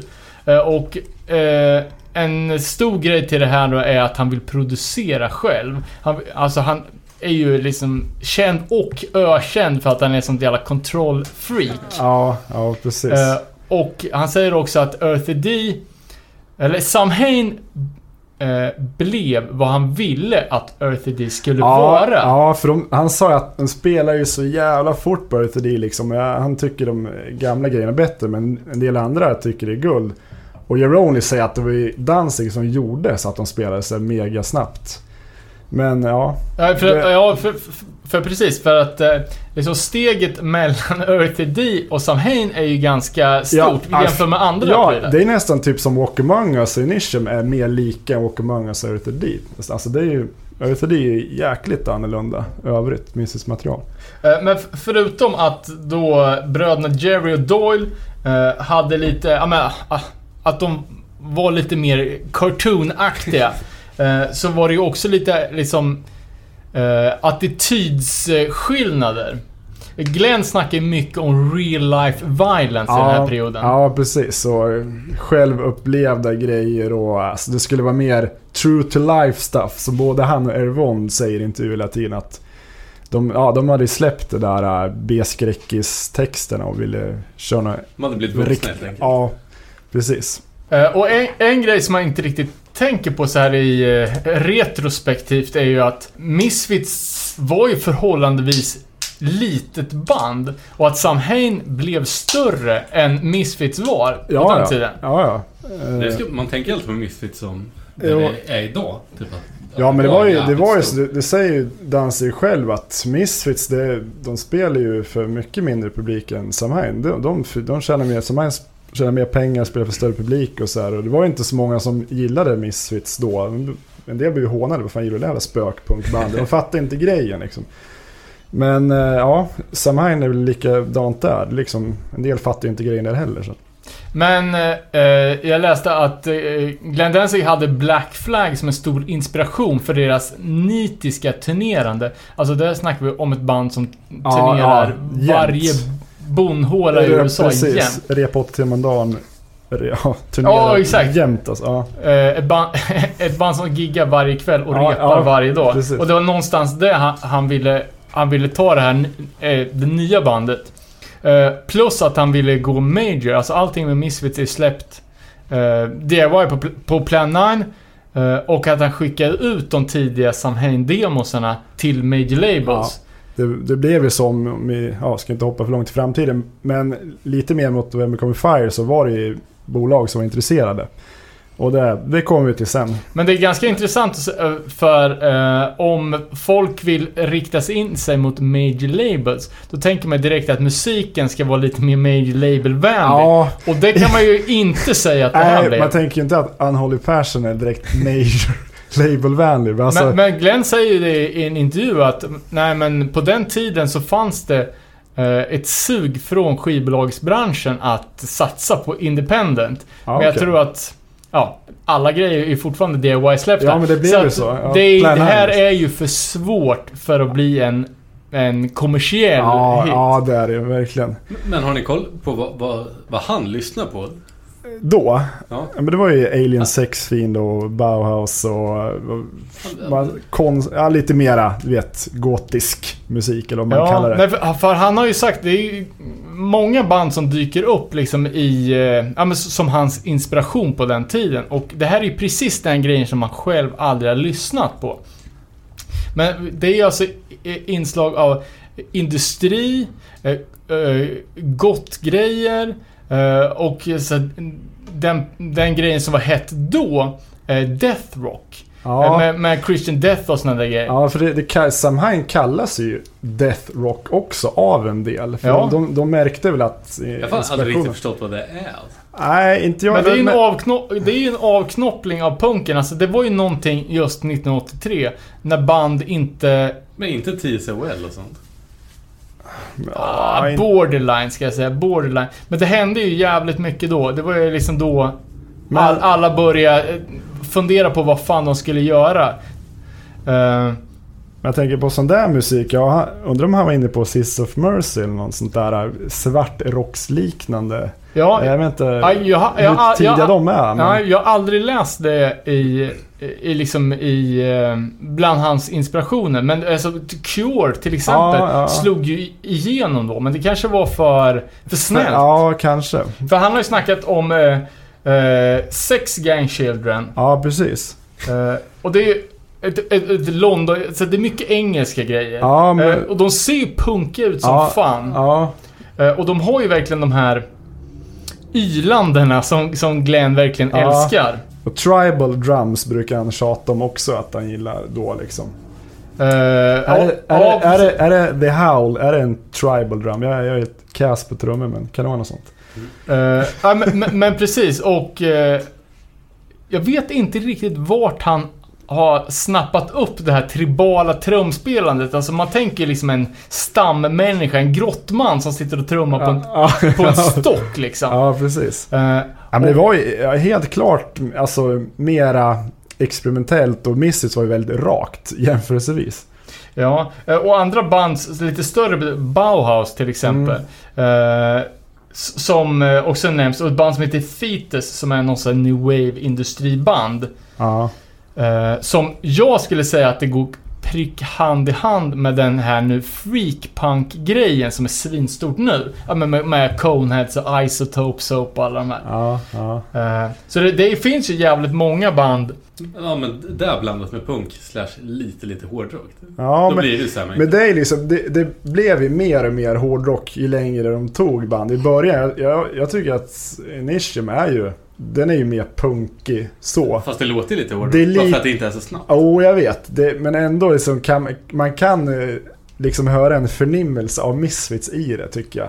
på ett Ja, vis. ab- absolut. Men ett, annat band som Dancing ofta nämner i de här sammanhangen, eh, det är ju Alien Sex Fiend. Ja, ja precis. Och det, de har jag alltid hatat. Jag såg dem på ett Beavis and Butthead avsnitt typ, inte vet jag när, Ja, det, ja. när det gick. Men, eh, för alltså det finns ju en jävligt spökig vibe över det hela. Det ska jag inte Ja, sticka ja. under stolen med. Och, och Danzig säger själv att de startar som ett punkband. Ja, okej. Alien Sex Fiend, är det något du lyssnar på? Inte hört tyvärr. Gör inte det. Nej, det är svårlyssnat. Eh, Så, Men det, det är någonting Okej, som... Tillbaks nu. Men vad... Jag har aldrig hört det heller. Är det typ... Alltså, det-? Ja, jag skulle säga att det... Att det, Ja, det, men lite- lite åt det hållet. Sånt som, som eh, i Sverige kallas för svartrock. Eh, men det som skiljer alltså de mörka gotiska grejerna från Samhain eh, är att det här är så jävla... Alltså det är som en mimare. Alltså det är det här lite så här kanske ledsen clown. Men det är någonting som är så jävla oaggressivt. Det är så snällt. Eh, deppigt men snällt. Och Danzigs vision för det här nya bandet, det skulle ju vara liksom Elak. väldigt Ja, det- mycket alltså, det, alltså det... mörkt och ont och Det- ockult. Ja men fan, det är ju jävligt... Gick inte de lite i bräsen för med black metal-grejer med Immunition-omslaget? Alltså indränkta blod 84, alltså det är jävligt rått alltså. Att de överhuvudtaget fick släppa den, det var ju... Det var ju coolt men lite skumt ändå.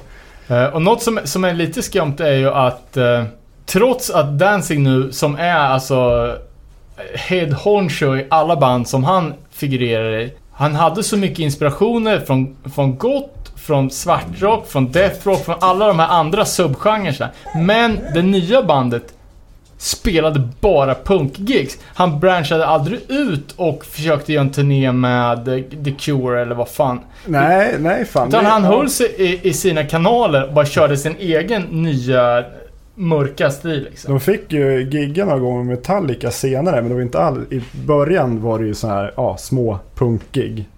Som ja, första giget på Rock Hotel 31 mars 84. Det var ju då Lyle, Lyle Presley var med från Mind Threat. Men vi kan ju Ja, men- berätta lite om det här också. Vad, Ja, vad som exakt. egentligen var tänkt Ja, för... ja, exakt. För, för Danzigs eh, tanke med det här var ju att bilda en supergrupp. I och med att han, ja, han var ju, han var ju peppad på Mind Threat, men han, han gillade inte Iron McKays sång och då ville han göra något med Brian Baker och Lyle Presley. Och flög ner till DC och började repa lite med dem. Men Det blev liksom, det blev aldrig någon. Jag, jag tror han åkte ner ännu en gång och tog med sig Steve Singh då från Morning Noise. Som senare blev med i, i Samhain. Men det var ju liksom, de hade ju väldigt olika visioner och eh, Brian och Live var inte alls inne på den här uh, okulta grejen liksom. Och det var ju till och med första gigget när eh, de skulle lira i New York då, då åkte, tog ju Lyle tåg upp och sen kom han fram bara Fan, jag, typ en, en sweatshirt typ. Ja, men det här, det, här går inte. Fan, jag har ingen Devil och hur fan ska jag göra? Ja, ah, fan jag har en svart tisha i väskan. Jag, jag tar på mig den liksom. Och sen, sen efter giget, Danzig gav han pengarna. Okej, vi, ja, vi Syns kommer aldrig liksom gigga ihop något mer. Så att det var ju en kort visit av han, men det var ju väntat från början. Det var inte alls samma, inne på samma spår. Där. Eh, men dock var ju Minor Threat-personalen, för alltså... Eh, förutom då Lyle Presley som, som eh, kom så långt till att gigga live med Samhain. Eh, så var ju Brian Baker påtänkt. Och även Jeff Nelson var med på ett, på ett rep. Ja, precis. Men, och de har ju sagt att de var ju stora fans av Misfits och Danzig. Och de, de var ju jävligt trötta på alltså... I, i Minor Threat splittrades ju 83. Eh, Och det var ju på grund av att övriga bandet ville gå vidare. Och Ian MacKay vill ju inte göra det. Han ville ju harva på och köra Ja. amerikansk hardcore medan övriga ville liksom rocka till det lite. Ja. Ja, man hör ju liksom hur uh, Autostep eh, låter från sjuorna. Och de beskrev ju liksom Danzig som, ja, alltså, typ citat att han var typ den bästa sångaren i hardcore och lite av en gud. Ja, jo det var ju så. Så det är därför de eh, hakar på det där. De, de trodde väl att det skulle bli något annat kanske än sådär experimentellt. Och det är, ju, det är ju Glenn som bestämmer så att så blev det väl då. Ja, och eh, det uttalade konceptet var ju också att det här skulle inte bli Misfits 2.0. Ja, det var en del som trodde det. Exempelvis Steve Singh då som kommer senare. Och många andra också när de är ute och giggar. Att de förväntar sig Misfits 2 typ. Det var ju också roligt när, när eh, om eh, Brian Baker och Lyle beskriver Danzig som den bästa hardcore-sångaren och lite av en gud. Så säger Danzig själv bara det är väl klart att de ville lira med någon som kan sjunga. Jimmy Kai, en bra frontman, men killen kan ju inte sjunga. Ja, jag vet. Han sa ju det. Ja, men det, det blev några svängar där som sagt. Men sen hade ju även Erivon och Danzig, Erivon då från bandet Rosemary's Babies, eh, hade börjat smida lite planer redan under Misfits-tiden då. Så de hade ju börjat parallellt då med Misfits tidigare, innan den här supergruppsformationen skulle bli till. Och så att det var ju på gång ett tag innan. Men eh, som sagt, det där gav det några gånger. Eh, och sen blev det tillbaks till Lodi då och Steve Singh från Morning Noise haka på. Och, Jag har, har ja, lite andra sköna karaktärer också som, som var påtänkta i den den första supergruppskonstellationen. Eh, och det är ju Graham McCullen som, som då eh, lirar bas med Negative Approach. Eh, Detroit-bandet som var också ett av de största hardcore-banden. Eh, men som också precis hade lagt ner då 1983. Eh, lite konstigt är för, Graham hade ju problem med att sångaren i Negative Approach, John Bannon, hade för negativa texter. Så han, han var ju också med på, på, de, på, de, på de första repen. Och sen en annan kille från New York, eh, Al Pike som jag har nämnt här, som, som lirar med Reagan Youth. ja, han är med och lirar faktiskt. bara satt och bara, ja men jag gillar det här, den där snubben, den där, den där. Och så du såg det där klistermärket på, på LPn. Featuring members of Minor Threat, Regan Youth, Misfits. Vadå, har du klistermärke på vet, det Nej, tänkta klistermärket. hade det, här kommer sälja. Ja, ja, i, så kan jag varit. Så kan jag varit. Absolut. Eh, Ja, men man, man märker liksom att det var ju någonting 83, liksom att alla de, de största banden hade lagt ner. Eh, Och man såg liksom att uh, Misfits var ju aldrig en riktigt Alltså så tight del av punkscenen. De har alltid kört sin egen grej. Ja. Alltså de är sjukt tidiga. Nästan innan punken blev Ja, kommersiellt ja. stor i New York. Och sen en helt annan grej också. En helt annan image än övriga punkband och så vidare. Och, ja men liksom Elvis-sång på eh, B-skräckslåtar. Alltså det är ju en helt annan grej. Och därför är det, ja de gjorde det så pass länge så att Danzig började tröttna på det helt enkelt. Därför ville göra nytt. Eh, sen sa jag också att Tesco Wee eh, hade varit en tänkt medlem i den här supergruppen. Eh, när vi gjorde Från- Misfits-avsnittet. Ja, från Meatman va? Precis, Ja. men så var det inte. Nähä. Utan det var att resterna av den här ratade Samhain-konstellationen, nämligen Brian Baker, Lyle Preslar eh, och Graham Cullen, joinade eh, Tesco Wee i könsrockbandet Meatman. Eh, så, så han var aldrig påtänkt, utan han fick liksom ta s- av skrapet. Ja, han, var, han var ju polare med Danzig. Sen hade de liksom en, en intervju med Tesco. De hade träffats senare på 80-talet när Samhain var ute och giggade. Då hade han liksom Danzig varit lite såhär typ, ville inte snacka med honom då liksom. eh, Var de inte polare, de var inte lika tajta längre. Jag vet inte om det var för att han började mer ockulta grejer. De lirar väl förmodligen ihop Misfits och Meatman kanske, kan jag tänka mig. Ja, sä säkert. Mm. Men man ser ju också väldigt tydligt vart Misfits hade en bra following. Och det är ju liksom mellanvästern, Ja, eh, Detroit, Ohio och DC. ja, Och ja, ja, men hela östkuststräckan. Men, Även i LA säger Doyle på senare tid att de hade en bra following där också. De var ute och turnerade på Åkermangas där. Och så att Samain åkte också dit sen. Så. eh, men ja, om, om Al Pike då, so- som faktiskt är med och spelar på en låt på eh, första plattan, Initium. Precis, men den är det nog till och med att eh, Erivon la över basen till slut. De var ju fila på den här Archangel tidigt, eh, 81 redan. Och den var ju tänkt att Dave Vanian från The Damned skulle sjunga in då. Men Ja, hur blev det med det? det blev ju aldrig, aldrig av liksom. Man skulle haft telefonsamtalet på ett acetat typ. Det hade vi ju värt pengar. Nej men han ville väl inte göra det, eller... Men de, de, att han skulle få låten eller att han skulle sjunga låten? han, han skulle sjunga, Till sjunga, ja, nej, till Nej, Misfits redan. ja. För Misfits Damned giggade ihop eh, några gånger. På, det var på den klassiska turnén som Ja, inte blev av. de giggade även i New York och sen åkte de över till London bland annat. Eh, De skulle göra några gigs i England men det blev bara några stycken. Men om man ska nämna The Dam så måste, så alltså, det är ju en stor influens till Misfits. Alltså, Ja det är det ju. Damned är supertidiga med punken. De släppte ju både sjuan och LPn innan Pistols. Ja. Eh, och just att de alltid haft Och den... den jävla spö. s- Ja, ja, estetiken. ja, exakt. Eh, Så man förstår ju att intresset eh, fanns liksom från, från Danzig att göra en, en collab där. Ja, sen, ja, som tur var hamnade den på skiva för den är jävligt bra tycker jag. Jag tycker också den alltså. är så jävla Den är bra. sjukt bra alltså. Men efter alla, och, och också det som vi nämnde i Misfits-avsnittet, men som är så jävla kul då. Eftersom Reagan Youth, alltså de har ju... Det är ju ett uh, New Hardcore-band, men de har alltid legat i, mer i eh, liksom punk, nästan över i D-beat genren, liksom peace punk-hörnet. Eh, och de har ju varit svårt drabbade av heroinmissbruk. Eh, men Al Pike säger ju nu så här efteråt då att nej, han tackade nej till Sam Hain-jobbet. eh, när han skulle spela bas om jag inte minns fel. Ja, Att han ville satsa på sitt fanzine, Straight Edge Magazine. okej. Ja. Eh, men hur som helst.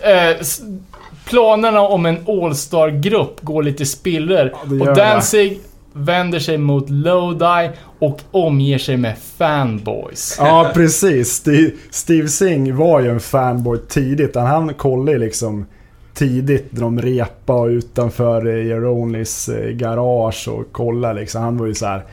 Nej fan en dag då ska jag bli med i det där band. Vi är samma band som Danzig och Sen blev det ju så, han och Erivon var ju så jävla peppade så de ringde ju till varandra. Åh fan vi är med Danzig du, så jävla chockartat liksom. Ja, men jag, jag, så- ja. ja. För jag, jag hörde att eh, eh, Steve Singh då, som, som, som, som eh, började trumma. Egentligen var det Erie Vaughn som trummade på, på det först, första, första med Samhang. Eh, men att han var gammal dagiskompis med Doyle. Ja precis, de har ju gått i, i samma ja, skola. och hela Lodi det är- här gardet av fanboys är ju tio år yngre Ja precis. än, än Danzig. ja, Då fick han styra och ställa alltså. ja. Eh, och eh, ja, som, som 12-åring så började Steve Singh hänga på, på Misfits-rep. Alltså då, då snackar vi ju alltså det, det, Ja, det här är ju- första första. ja, ja. Det är ju typ 78 någonstans där. Men att han direkt blev charmad av Danzig och som man säger liksom att han, var, han växte upp som ett stort Kiss-fan. Eh, och han fångades direkt av liksom redan då, alltså det var ju Ja. Bullet-eran. Ja, ja, ja, ja precis. När man tror att Misfits är- inte riktigt är satta liksom. Ja, och då. Att ja. de var larger than life karaktärer och att det här var liksom som att träda in i Ja. en sagvärld nästan. Han gick ju och väntade på det. Som sagt, han var ju jävligt så här. Han trodde det skulle bli Misfits 2.0 där efter eh, ja, de la av det. Men han, gick, han kom in i samma grej ändå. Han var väl lite så här, vad fan är det här liksom? Men sen, jag tror han blev peppad ändå. Och han lärde sig också spela trummor Ja, genom ja. att lyssna på en, ett, ett kassettband med Misfits-låtar som han hade fått av Doyle. Så han satt hemma och lyssnade på tidiga Misfits och lärde sig Ja, trumma ja. efter liksom. Ja, det är coolt. Morning Noise var ju ett band som var otroligt inspirerade av Misfits. Det är mycket så wow-körer och uh, horrorestetiken på en sjua så här. Det där är ju, det är ju Ja, typ... är det någon som har lyssnat på det här, eller? Jag har en Helt sjua faktiskt. Det, lå- ja, men, det är inte så jättebra. Det är ganska rakt. Det är, det är ju Misfits rip-off fast eh, hundra gånger sämre. Liksom. Ja, fast jag, ja, Ja, ja, ja, jag tycker att det är ganska nice ändå. det- Ja, du, du dess- kan få låna den. Det, är det är en tusen kronors sjua Ja, där. jag vet fan. Det kanske är det. Det är, länge sedan jag Om, om den med... eh, Det är typ två lila gardiner. Ja, exakt, exakt. Det är en dyr Exakt. skiva alltså. Jag har ju Steve Sings solosju också. Runaway kör han. så jävla bra. Uh, nej, men man märker snortydligt att de, de här eh, killarna som kommer att spela i samhället är ju Misfits. De har redan börjat lira i Misfits rip-off-band. Och de bara går och väntar Ja. hemma i Lodi på att någon, någon i. Misfits ska lägga av. Det är som Rosemary's Babies, eh, Erivons band. Det är också Misfits rip-off. Du hör ju liksom horrorgrejen och... Nu har inte jag hört dem så mycket. Jag kommer ihåg att jag har hört någon låt men det är inte heller så här som man lägger på minnet att åh fan bra Det det är här väl är. också en skräckfilm?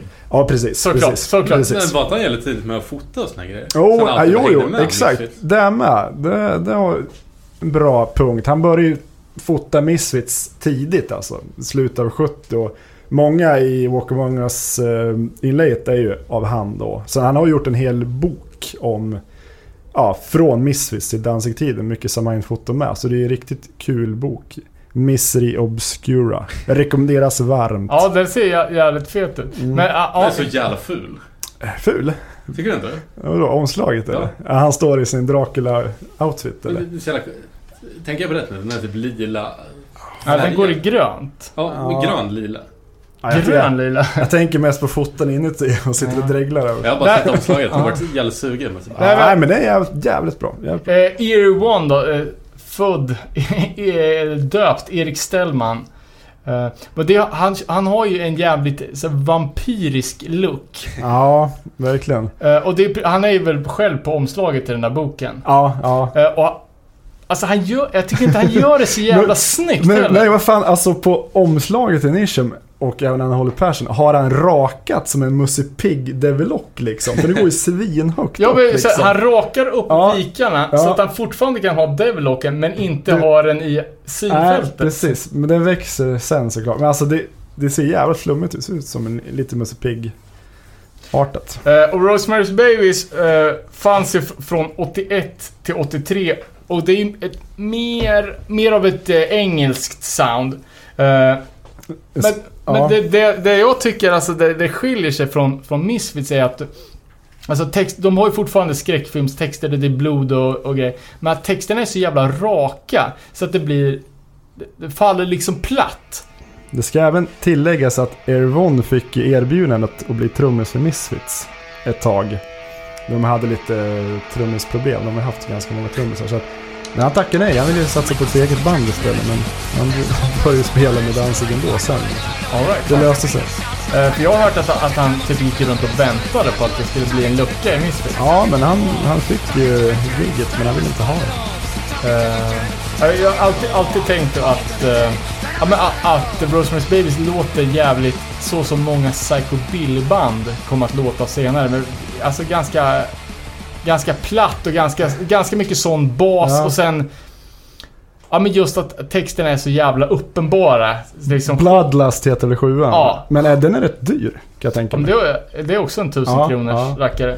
Eh, Men att eh, bandet aldrig kom någonstans, skivan sålde skitdåligt och att de bara gjorde fem gigs. Men att det på, liksom, eh, på senare tid har blivit, tack vare Misfits-anknytningen, har blivit så här samlarkult. Ja, ja, det blir ju så.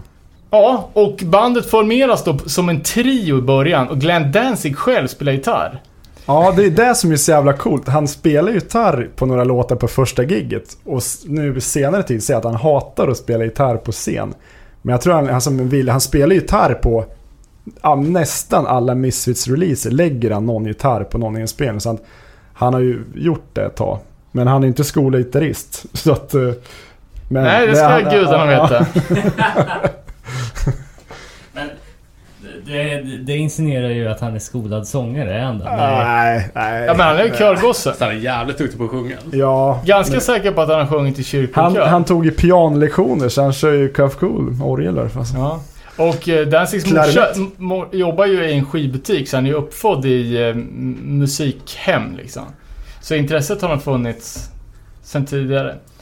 Eh, ja, ganska direkt då. Utan ens ha gjort en demo så spelar de in första fullängden, Initium. Eh, vilket är latin och betyder New beginning. New Beginning, precis. Mm. Och det var ju precis det här de ville återskapa. Eh, Precis. Han vill ju, det, det är som det står i boxen, han vill liksom göra något nytt, mörkt eh, och förstå liksom varför världen är så mörk och varför den fungerar så genom decennier och ja, men han vill liksom ta fram det mörkaste och mest ockulta, det hörs ju. Till och med om man säger det, introt, Initium, som heter Initium, det är jävla coolt inspelat. Det är inspelat eh, på en, alltså det är inspelat i Stevie Sings sovrum. En bas på en bassträngar som drar, spelar in som i snabb hastighet genom ekoeffekt. Och sen ja, det har den spelat som upp det, normal det hastighet. blåser. Ja, Typ. det är så jävla spooky. Jag tycker det är en jävligt cool effekt för att vara så enkla medel tidigt. Så 84. Lite som du sa med omslaget också. Att det var... man, man, nu rycker man inte på axlarna över det. men då, det var ja, fan grymt alltså. ja. Ja, eh, första släppet. Jag måste säga en grej om det där. Eh, skallen då som sedermera blir känd som Danzig-skallen. Den är ju snodd från en serietidning. Crystal Warrior från eh, Marvel då, illustrerad av Michael Golden. Och den snubben har ju, skulle ju kunna tjäna ganska bra på en stämningsansökan kan jag tänka mig. Det är den som gjorde eh, första Misfits, den som har ritat dem riktiga. Han borde ju stämma Misfits. Ja, ja, ja precis. Ja, precis. Och även Samhain-loggan, Ja, ja. som Ja. sedermera blev Danzig-loggan, är ju också snodd från en... Är det Giant, Giant Gila Monster? Ja, någonting det? i den ja, ja, typ gammal B-skräckis. Jag satt och mycket... bläddrade och bara, den där Men det, där, det är så konstigt, jag inte riktigt får ihop med, med skallen och eh, första Samhain-släppet. Att tidningen kom ut i juli 84 och plattan släpptes i augusti. Hur fan gick det till liksom? Jävligt snabb press. Ja, det är fan sjukt. Nej, ja, det, det är som... För eh, Danzig har ju alltid hävdat att det är hans skalle. Ja, men nej. Det här är ju, det ser man ju på serietidningen. Jag har ju den någonstans. Nej, det är ju... Någonstans. Ja. Den ska du fan ha i bankfacket. Men har, har du, nu är vi tillbaka på Misfits då, men ja. Chamber of Chills eller fan heter det? Nej, Dynamite den är, ju, Nordic den, är ju, Zenith. nej Ja. den är ju sjukt dyr. Så att nej.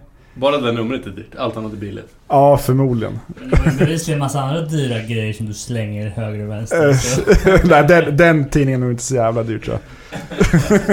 Eh, ja men om, om vi kickar vidare då. För efter introt, inspelat med en distad bas och lite allmänt mummel, så är det i första låten eh, det självbetitlade spåret. Och här alltså, har vi ju jävligt mycket puker. Ja, men och de, fan- det, här får man ju vibben eh, Hur- Danzig vill ha det här tribala trumspelet. Men jag, jag gillar det där, alltså det pukspel. Det är, det är ju ganska tungt på Alltså det är ju hårt och mörkt och jag gillar hela plattans produktion. Den är at- atmosfärisk på något vis. Det är jävla ja, schysst. verkligen, verkligen. För det, det är ju, måste jag tillägga, det är mitt, mitt favoritplatta med Samhain och hö, alltså bland mina favoritsläpp med Danzig också. Jag gillar, Intressant, jag jag gillar den, jag, jag gillar den som fan alltså, första släppet. Eh, Det är ju ja, det är en jävligt solid platta. Jag tycker alla deras släpp är, är svinbra. Men på den här plattan finns det ju fortfarande ganska mycket spår av Misfits. Ja, eh, ja det mesta, det Misfits-relaterade jag skulle säga, det är All Murder och Guts of Fun. Ja, där har vi en låt, tredje spåret, som, som låter exakt som en Misfits-låt. Ja, det var ju skriven under Misfits-tiden som sagt. Så att, eh, det är därför, och även He You Cannot Be Named. Och så att, eh, För det märker man också på, på uh, All Murder. All Murder, All Guts, All Fun. Alltså det är inte lika seriöst. Alltså, Nej, det är lite- titeln a- antyder ju att det inte är lika seriöst Precis, det är som li- det dödligt se- seriösa sammanhang. Det är alltså, li- skivan, skivan har ju så brutalt mörka texter. Men här blir det liksom lite mer spökparty-punk alla Misfits. det är lite ploj, man hör ju där liksom. Men, eh, sen eh, de andra låtarna, som är, de som är mer experimentella, The Shift och The Howl och de där. Det, det, hör man, det är liksom mer typiskt Samhain-soundet liksom. Det är lite dirty. Det är lite mörkare. lite- Och de, de två låtarna var ju bland de första som skrevs för Samhain. Ja, precis. Eh, och det gjordes ju som en... Som en det skulle ha varit en trio. Eh, Ja. Så det var ju eh, The Shift, The Howl, And The Urge. The Urge. Men det här var ju en trilogi av låtar som handlar om förvandlas till en vara. Ja, men nu säger då att det inte... En del säger att det inte finns någon The Urge. För att det var ju tanken att de skulle släppa det nu för några år sedan. Ja.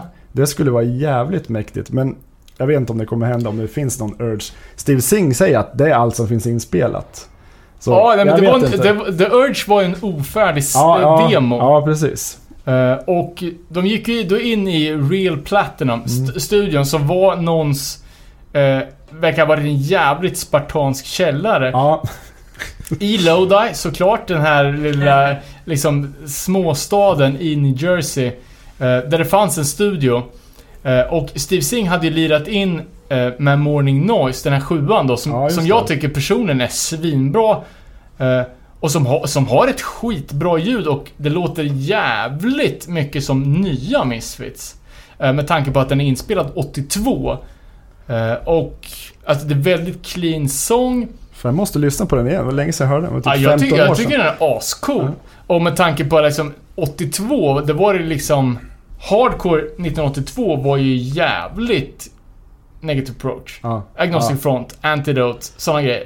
Här har vi liksom skönsång, clean produktion, jävligt bra catchy punk. Ja, och, Skitsamma, men det jag skulle säga var att Morning Noise var den första rock inspelningen som gjordes i den här jävla studion. Ja. Eh, producenten, eller mm, eh, eh, vad heter det? Gubben som sköter mixerbordet. Det måste, ja det kan varit, nu ska jag flika in här. Eh, Det kan faktiskt ha varit några Misfits-inspelningar också. Om, om man kollar i boxen så står det, den där sessionsdisken står det ju Real Platinum på några låtar. Right. Men det måste vara efteråt då, eller? Nej men det är runt 81. Okej, Alltså, för jag, ja. jag har hört att när, när de gick in i Real Platinum så, så var den enda rockproduktionen Ja. gjord från den studion var Morning Noise och sen vart det ja, vi eh, får, det, Initium. det får vi googla upp. Hur som helst, eh, själva tanken med hela det här bandet var ju att Danzig skulle få producera själv. Eh, och han tar sig ju jävligt fria tyglar. Alltså det är väldigt speciell vibe på hela den här Ja, plattan. ja, den är så jävla guld alltså. Men han, han lägger ju, han är ju krediterar sig för gitarr och sådär, så han lägger ju... Jag vet att Lyle Presley är med och kör på några låtar. Eh, Horrorbiz bland annat. De, dö, de kör ju horror business i Samhain-tappning och, och heter Horrorbiz. Så den är ju Den är lite, lite, dålig, den är lite mer hårdrockig. Ja. det är alltså, det är ju sämsta, sämsta låten de har gjort. det är ju så brutal skillnad på originalet och den. Ja men alltså nu, alltså det är ju en skitbra låt med Misfits. Jag förstår inte, alltså dels så Den- den- följer det inte konceptet för Nej. den är inte så jävla mörk. Nej. Och sen har den sån jävla konstig, Den har inget flow alls. nej den är hackad liksom. rockabilly-rytm på gitarren. Jag tycker det funkar lite. Ja, ja, men jag tycker det är så märkligt val. Jag fattar ju All Hell på Unholy Passion liksom. Den och sen Halloween 2 på November Kommer Fire. Men Horror Business somehow, det, det rimmar liksom inte med det här mörka på något vis. Jag vet inte. Men det, det funkar, men den, den, den är så jäkla annorlunda de andra tycker jag. Sen är det lite eh, kontra eh, att han säger GD. Eh, det här ska inte bli Misfits 2, men det finns ju alltid en Misfits-låt med. Ja, En släppt Misfits-låt med Precis- på alla Samhain-släpp. precis. Släpper uh, Mrs-plattor under Samhain-tiden. Spelar in vad som är tänkt Walk Among Us 2 som hamnar på Collection 2, Hatebreeds och så vidare med Erivon. Så att han har inte riktigt släppt Misfits helt och hållet. Men det var aldrig tvärtom eller? Nej, Misfits gjorde aldrig några Samhain-covers. nej, nej, nej. Så var det inte. Eh, en låt då som, som, som vi måste nämna som jag tycker är den fetaste på den här plattan och det är ju, det är ju ett av öppningsspåren, Uddy Black Dream. Den är jävligt cool faktiskt. Och det som, det som gör den här låten och det som sätter hela tonen på, på den här Initium första plattan. Det är ju rörklockorna. Ja. Som de använder Chimes. så jävla flitigt. De har till och med en, en snubbe som...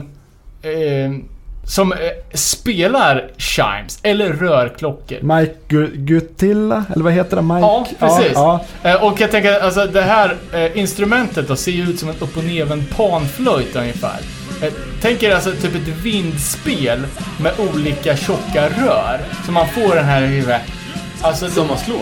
ja, Typ som ett klockspel. ding ding.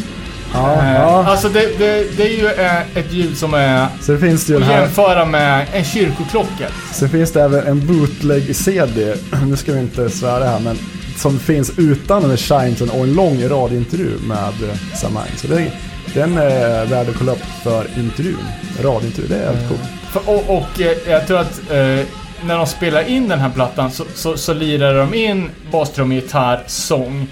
Och sen fick Danzig gå tillbaka, så han är ju ett stort fan av att gå tillbaka och redubba grejer. Ja, och då gick han ju bananas med olika konstiga grejer. Eh, och la in eh, rörklockorna bland annat. Ja, men den, fe, den fetaste låten på den plattan, jag tycker fan The Howl är liksom mäktigast. Även om All Murder Guts All Fun är jävligt singalong-vänlig så The Howl är jävligt coolt trumspel. Det är mycket puke där med. Är det nog?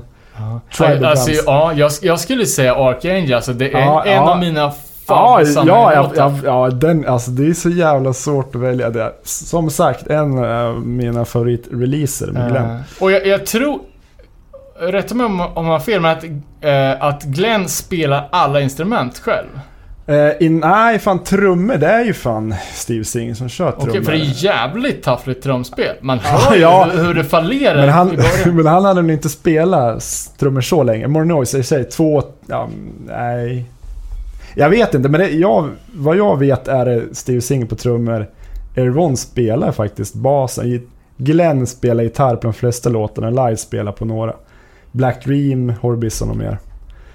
Ja. Ja, ja exakt. Lyle lirar på, på, på de fyra först skrivna låtarna. Ja, typ Ist- Macabre tror jag han li- lirar på också. Eh, ja, och Macabre, det är ju också en jävligt... eh, Den är makaber. ja, men alltså den, den sätter också ett återkommande tema och det är ju... eh, ja, dels så är det ju med uh, Glens uh, liksom fabläs för fake latin. Ja. Men men eh, ja, på, på introt där så är det ju Spiritus Succubus och sen är Ja. det ju eh, Birth is pain, Ja, på- Life is på- pain, ja, Death is precis. pain. Det är ju även i We Who Live Are Ever Dead också sjunger han på Macabre. Så det är mycket så här um, ondska, det är död och det är mörkt. Det är det han ville åstadkomma så att uh, han är inne Ja. på rätt spår från början där med Eh, och jag, Initium. jag hörde att just den där Birth is pain, Life is pain, Death is pain är direkt plockat från Omen 3. Ja. Och det återkoppling där. Från att- en sexscen. Precis, och där har vi även, nu hoppar vi fram lite men när vi ändå snackar om Omen, att eh, Samhain-loggan på Never Come Fire är ju det typsnittet, Omen-typsnittet. Kör de då på tredje plattan. Eh, och den här Succubus då, det är ju ett... eh, ett... eh, vad ska man säga? Ett gammalt väsen som kommer Precis. ta över Tack, män, Robin. typ. precis. Ja. Men det var ju mycket, det var ju en del erotik inblandat i Samhain så vi kommer till nästa släpp sen. Men nu ska vi... Eh, ja, nej, vet vi hur mottagandet vart på den här skivan? Ja, Jag tror det var blandade... Ja, alltså vissa var ju så här chockade. Vad fan är det här? Misfits var bättre. Vissa var så här, "Men så här bra var inte Misfits. Att de var bättre musiker. Jag, jag, jag vet inte. Han, han ville att, att få det till att de var bättre musiker i Samhain, men ja. Ja, men om, man, om man kollar på bara liksom eh, låtstrukturen så det är färre ackord per låt Ja, det är det ju. i Samhain än, än i Misfits. Ja, det är det ju. Alltså He Who Could Not Be Named, det är ju bara tre toner i hela Ja, låten. ja, men det är ju samma hela tiden. Ja. Dock är det ju inte lika rakt spelat, men det är ju Nej. verkligen primalt. Alltså det är ju... Som Archangel också. Enkel och, Ja, det- det- och det också- Black Dream Ja. ganska sådär, ja. Nej men vad skulle jag säga om Archangel också som, som från början då eh, skrevs för att göras ihop med... Davanian ja. Precis. Ja. Eh, och jag har läst att eh, anledningen till att det aldrig blev av var att Jerry Only hade legat med hans fru. På turnén eller? på turnén. Det är, det är möjligt. Jag har hört massa historier om Jerry Only så att det, det låter ju högst troligt faktiskt. Men jävligt roligt. Eh, ja men fan det får vi sätta punkten för... eh, för första, första plattan. Mycket Eh, bra. Nej, nej, nej, nej, nej. Nu har jag ännu eh, en, en bra fråga här. Eh, själva pressandet av vinylen. Mm. Det här För är ju det väldigt intressant Det för går ju en oss skrön om, vinylnördar. om en inbrottspress. Jaha. Har du inte hört? Nej, låt höra. Uh, Okej, Samhain var ju på, på väg ut på turné. eh, och de eh, hade väntat på... Season of the Dead Tour. Precis, som Yes. även finns på en uh, bootleg-LP. Ja. Som... eh, de hade väntat på sin platta. Det var en månad försenad. Och de ringer så nu drar vi drar på fredag. Vart fan är våra vinyler? Inget svar. Eh, så de åker ner, eh, de packar bilen. Eh, Erie, Steve Singh och Papa Glenn. B- blåser ner till själva Vågar man vinyl... gissa att Glenn var den som var ledande där? De åker ner till vinylfabriken som ligger någonstans på Long Island. Och ser att typ det är släckt. Men de ser en, eh, en typ Merca på parkeringen. Eh, så de bara bankar på dörren. Och efter ett tag så, så kommer ägaren till fabriken och öppnar. Och Glenn mäkta upprörd. Vart fan är vår vinyl? Vi ska ha den. Och vi drar inte härifrån förrän Det, vi det har där har jag hört, men att det var ett inbrott, det har jag inte hört. Nej men de tvingas Ja, Han sa, han, ja, han sa så här liksom att eh, Vi går inte härifrån utan våran platta. Jaha, jag trodde det var någon som gjorde inbrott och gjorde typ swirlpressar liksom. Aha, nej. Eh, Nej, så men det- då är jag med. Och eh, det var ju, ja, så fabriken var stängd för dagen. Eller eh, de var inte där. Eh, och Dan säger sagt bara, ja, har vi inte våra vinyler så kommer jag döda dig. Så det blir till för den här gubben då att starta upp maskineriet. Han bara instruera bandet i hur man ska göra en vinyl. Och de börjar pressa själva. Men det var nog ganska bra att, att det blev lite sådär hastigt för då kom ju de där swirl-vinylerna till förmodligen. Vi skiter och ger rent plåtarna emellan.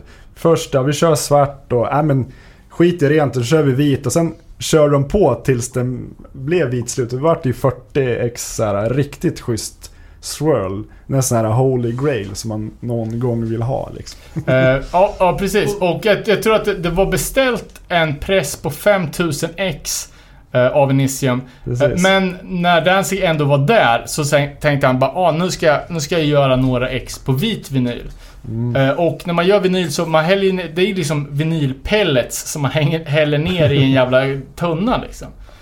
Eh, så då, då, då gjorde de det och de... Det är eh, 100 på vit och 40 swirl.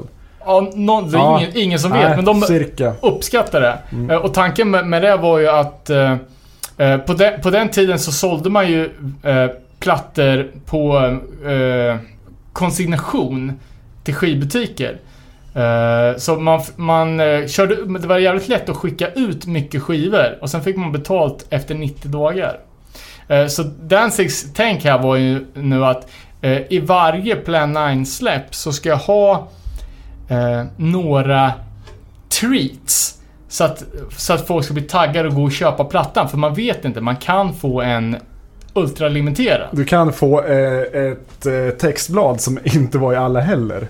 Det där liksom ser lite flummigt. Fan, kan du inte bara köra textblad i alla? Ja men på, på Initium första pressen så gjorde de ju allting eh, de vek ju och la in, Ja. så det är ju bara att bandet själva inte riktigt fick ihop det i produktionen. Ja. Eh, men det är också gan, ganska bra stämpel på att den här killen tar ingen skit liksom. Vad ligger en swirl på? den? Ja du, det är, det är så mycket. så- Det är minst 2K, alltså minst mellan 2 och 3 tusen dollar. Me- Alltså kanske mer. Ser den på Discogs så är det väl 100 000 dollar. Ja men det är, gal, det är galet för att, eh, ja, supply and demand det blir helt bananas. Jag har också hört att Danzig fick sälja sin ganska stora serietidningssamling för att finansiera den här eh, pressen av... av det var därför han inte, in- inte hittade en ny logga till Danzig. Ja, Ja, för att han, ja, för att han inte hade råd.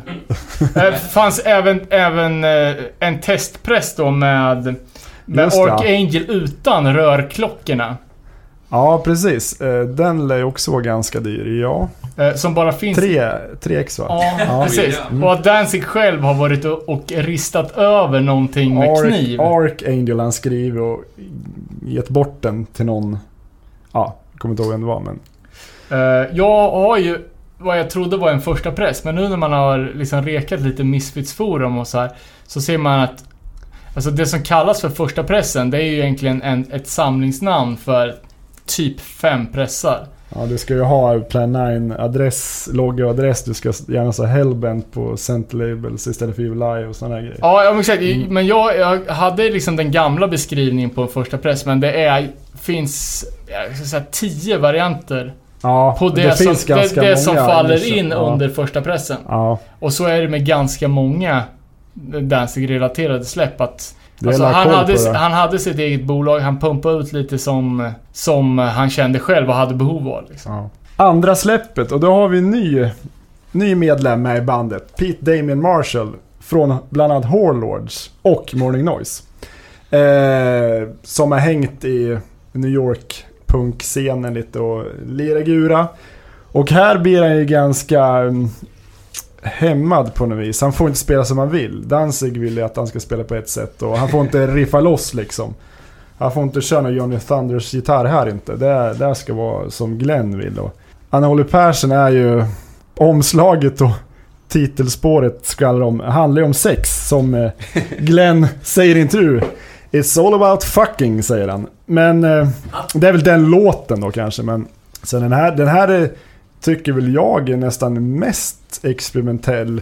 De har experimentera mer än Initium och den här är ju också inspelad i Real Platinum men sunkigare ljud. Jag har hört talas om att de, jag har hört en intervju med Pete Marshall att de fick ta något begagnat rullband och för Danzig vill spara pengar och de fick typ ratta själva liksom. Det låter ju därefter.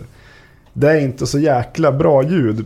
Därför spelade ju Danzig om, han la om lite gitarrer eh, några år senare, 87, mest för legal rights. Damien, Damien skulle ju bara ut ur bandet sen och då la han om gitarrerna. Men jag tycker titelspåret är bättre ommixat och omspelat än alltså originalsläppet. För det är jävla burkigt. Det är tyvärr inte så bra ljud. Det är ett... Men det är så jävla udda fågel i den här an annars så fina trilogin, eller om man ska Ja. räkna sist, sista släppet, eh, kvartetten. Men de...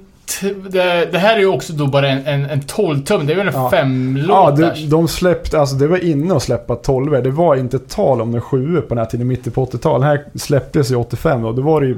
Ja, det var, ja, det var ju det som gällde då. Eh, Men just omslagsmässigt, för så här, Initium, klockrent omslag. De, de, ja, Det här- som vi pratade om ja. liksom, Det, ja. pre-black metal, eh, indränkta i blod.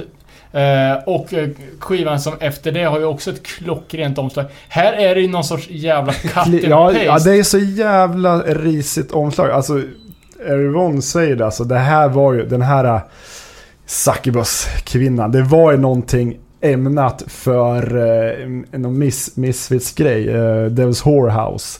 På något vis. Det var liksom, redan där hade han fått idén. Och sen smackade han på det omslaget. Och de, han sa väl åt men det blev inget bandfoto. Han sa, men fan ta en bild på er själva och skicka till mig typ. Sen är liksom bandmedlemmarna inklippta för sig.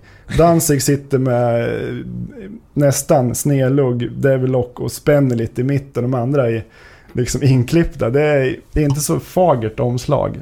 Som sagt, ganska udda. Ja, det är mycket, mycket som är lite, lite off med den plattan. Eh, kan, kan vara för att det är den enda skivan som jag inte... Eh, jag, jag har köpt ett, eh, åter, en återpress sen, men eh, det var långt emellan att jag hade de andra två. Som jag, som jag fick tag på en Unholy Passion och den har alltid varit lite Holy Grail-varning. den är ju så. Alltså den har inte varit, säg för 15 år sedan, då var inte den så dyr. Ebay, du kunde få den för fan 30-40 dollar. Men alltså, det är inte så många som höjer den till att, att det skulle vara deras Man har alltid favoritsläpp. tänkt att det är bara, ja, men, Ja, nej, för jag vet inte. jävla singel Ja, men- Ja, men det är tusen Konstigt ex på jag, första. Ja, för jag har alltid tyckt att den var... eh, Kanske för att jag inte hade den då. För att, att den var så jävla cool. Och så, så jävla bra. Och det är med, med så här, Samhain-låtarna är ju också... Det finns inte på Spotify. Nej, det är så. Eh, I, innan YouTube blev liksom så... eh, bra Ja.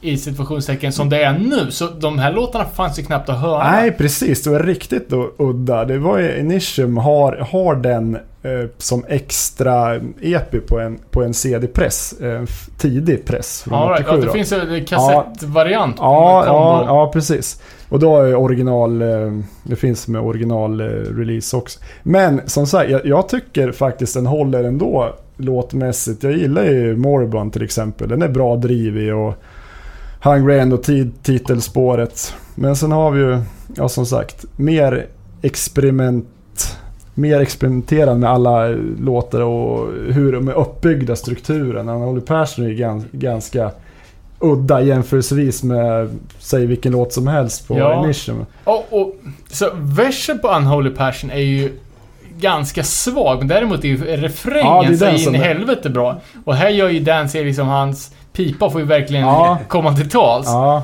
Och Steve Singh får jobba lite på trummorna. Det är lite mäckigt det där. Eh, men direkt efter, efter Unholy Passion, öppningsspåret, så, så kommer ju den inkvoterade Misfits-låten.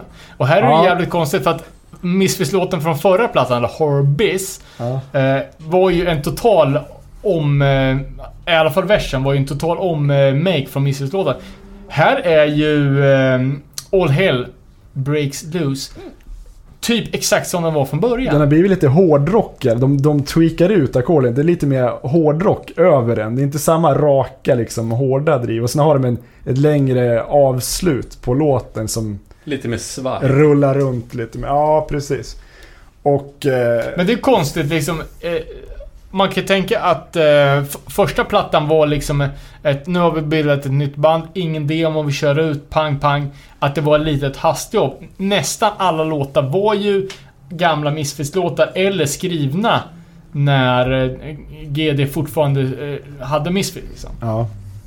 Eh, visserligen är ju det här bara ett år senare, den är från 85. Ja, precis. Den är inspelad eh, november 84, släpps i januari 85. Så att, eh, ja, det är inte så långt efter. Men det känns ju ändå som att om han nu inte vill göra Misfits 2.0, att han gör så lik version på den här gamla Misfits-låten. Ehm, Ja, jag, jag, jag, tycker faktiskt den är ganska annorlunda ändå. Den är, den är en hårdrocksvariant på All Hells Clues. Men sunkigt ljud. Eh, det, det, den kommer inte liksom... Nej, det är inte samma driv i den. Jag håller ju Missets-versionen bättre. Sen eh, som sagt... Du det har det även ganska markant på baksidan har du ju den här... Som man förknippar nu med Danzigskallen ganska stort på baksidan. Men det är ju inte det man tänker på i första hand. Man, man ser ju en skelettchick där med 80-tals boobs. Och den, den är ju tagen av en... Det är ju från en riktig porrstjärna från 70-talet. Ja, det är det. Man, man Fan, ser man exakt ha samma... den nu kommer jag, nu kommer jag. Ja, precis. Nu kommer jag inte ihåg vem, vem det var, men det är, det är rippat med... De har satt på här har, har ansikte. vi en, en, en till person som kan stämma Danzig för, Ja, ja, för, för snodda grejer.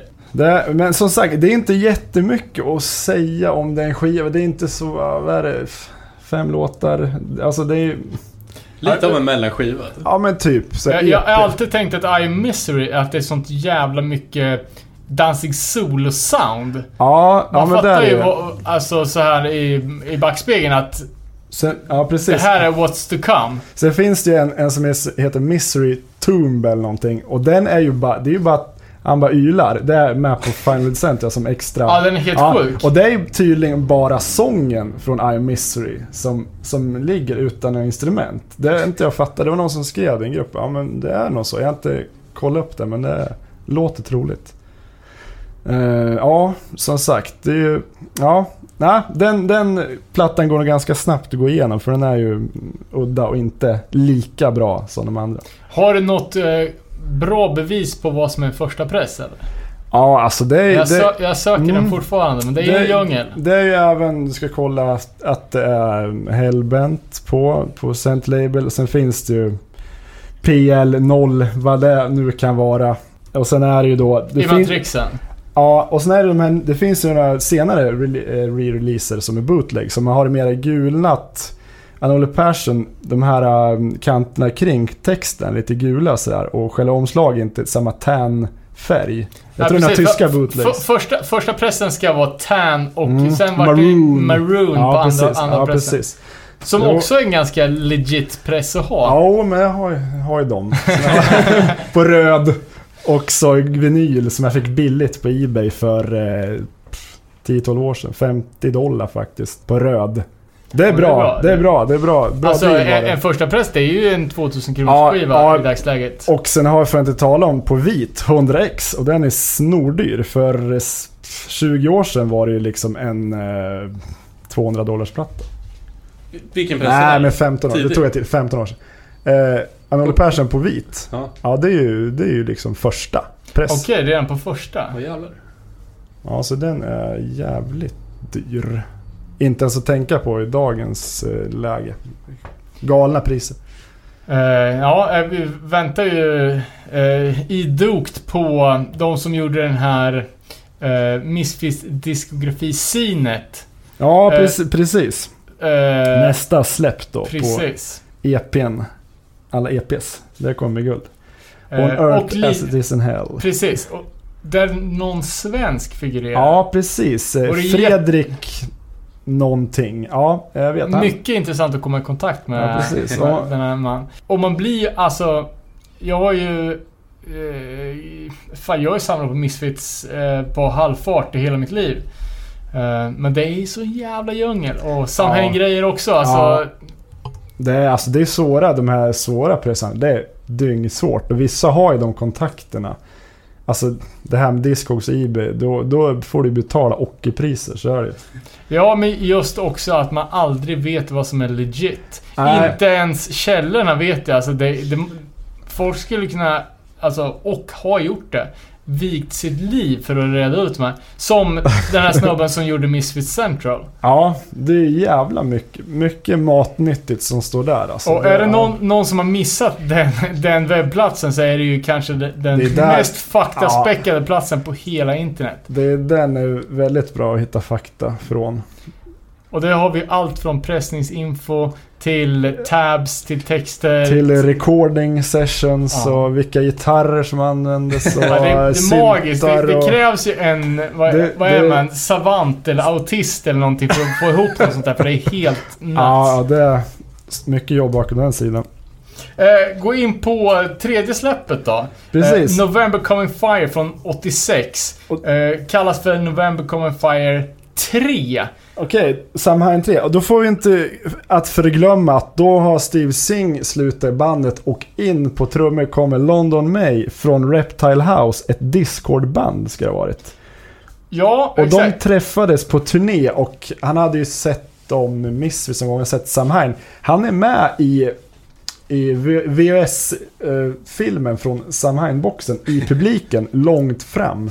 Och eh, han säger någonting, gör någonting till kameran. Så man ser han står och diggar liksom, så han har varit ett fan länge och att han får hoppa på det här, det är ju liksom som en dröm för han. Är det någon som har lyssnat på Reptile House? Inte det minsta. För det är hyfsat tidigt Discord-släpp ändå, men man är ju...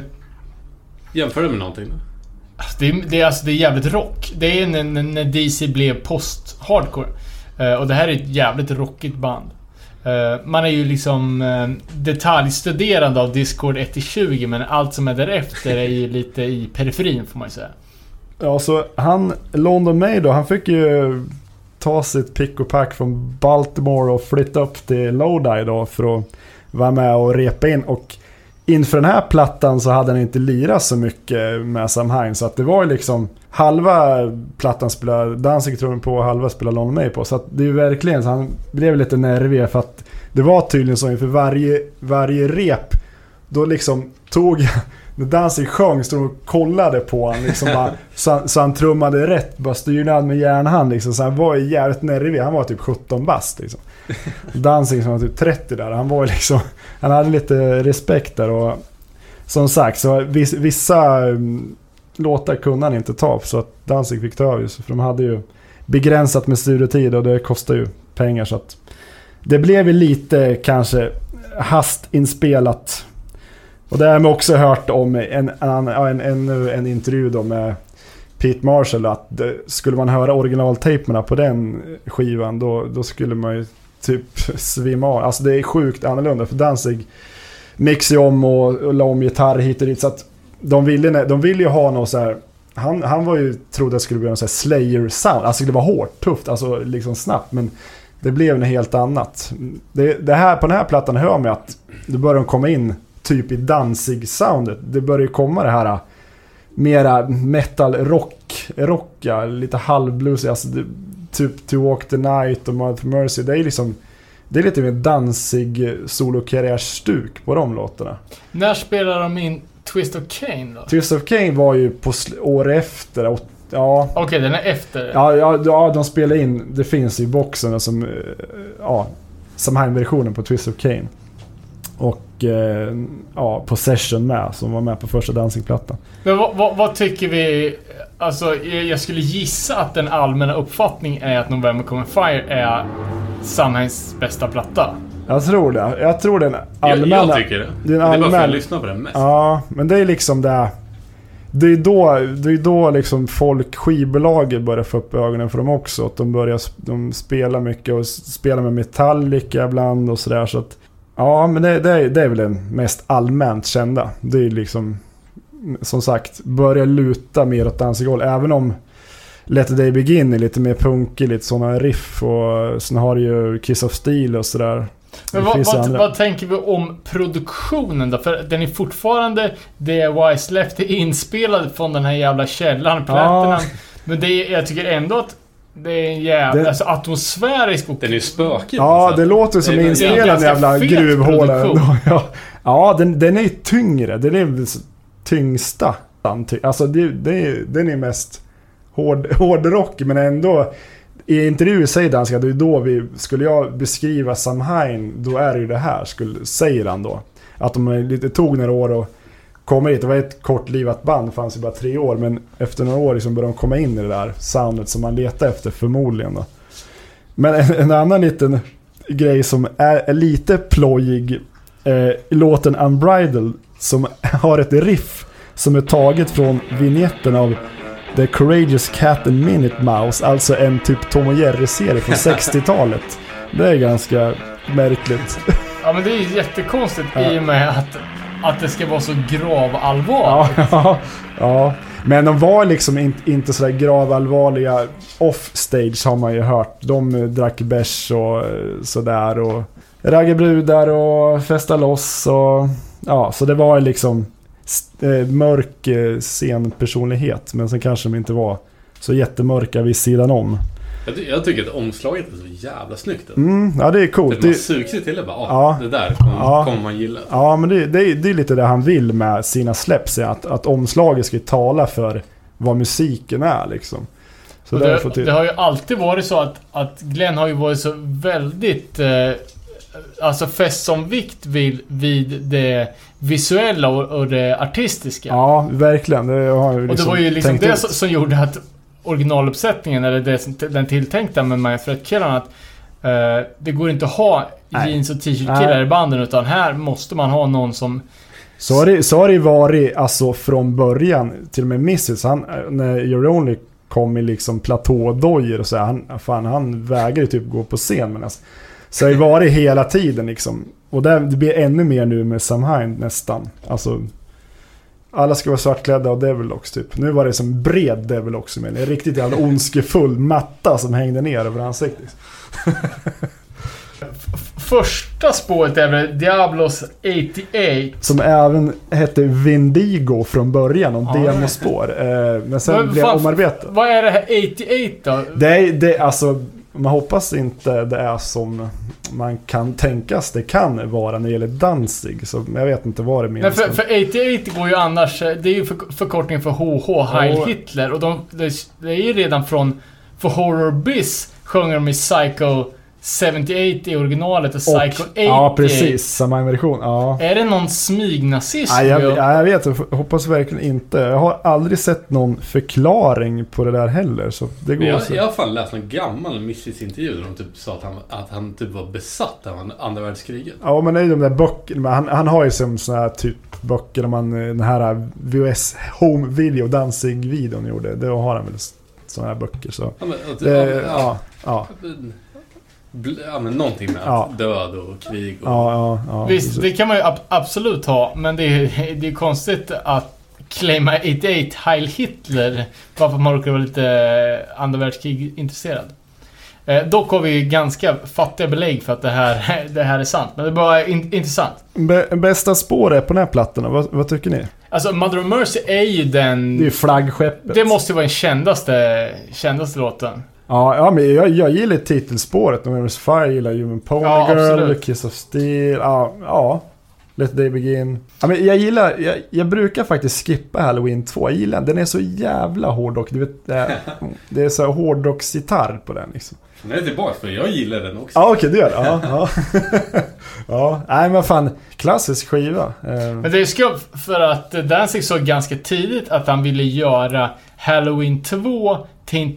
Det här är här kommer du älska David. Till en 10-tummare. Ja, eller hur? Uh, kö, köra, eh, köra Halloween 2 live på en 10 Och vad skulle vara mer för låtar då? Eh, jag vet inte. Eh, men, men just eh, att de- den... eh, att om man jämför med Halloween 1 och Halloween 2 i Misfits-katalogen, att det, det så bra beskrev steget som Danzig ville ta liksom med sitt nya projekt.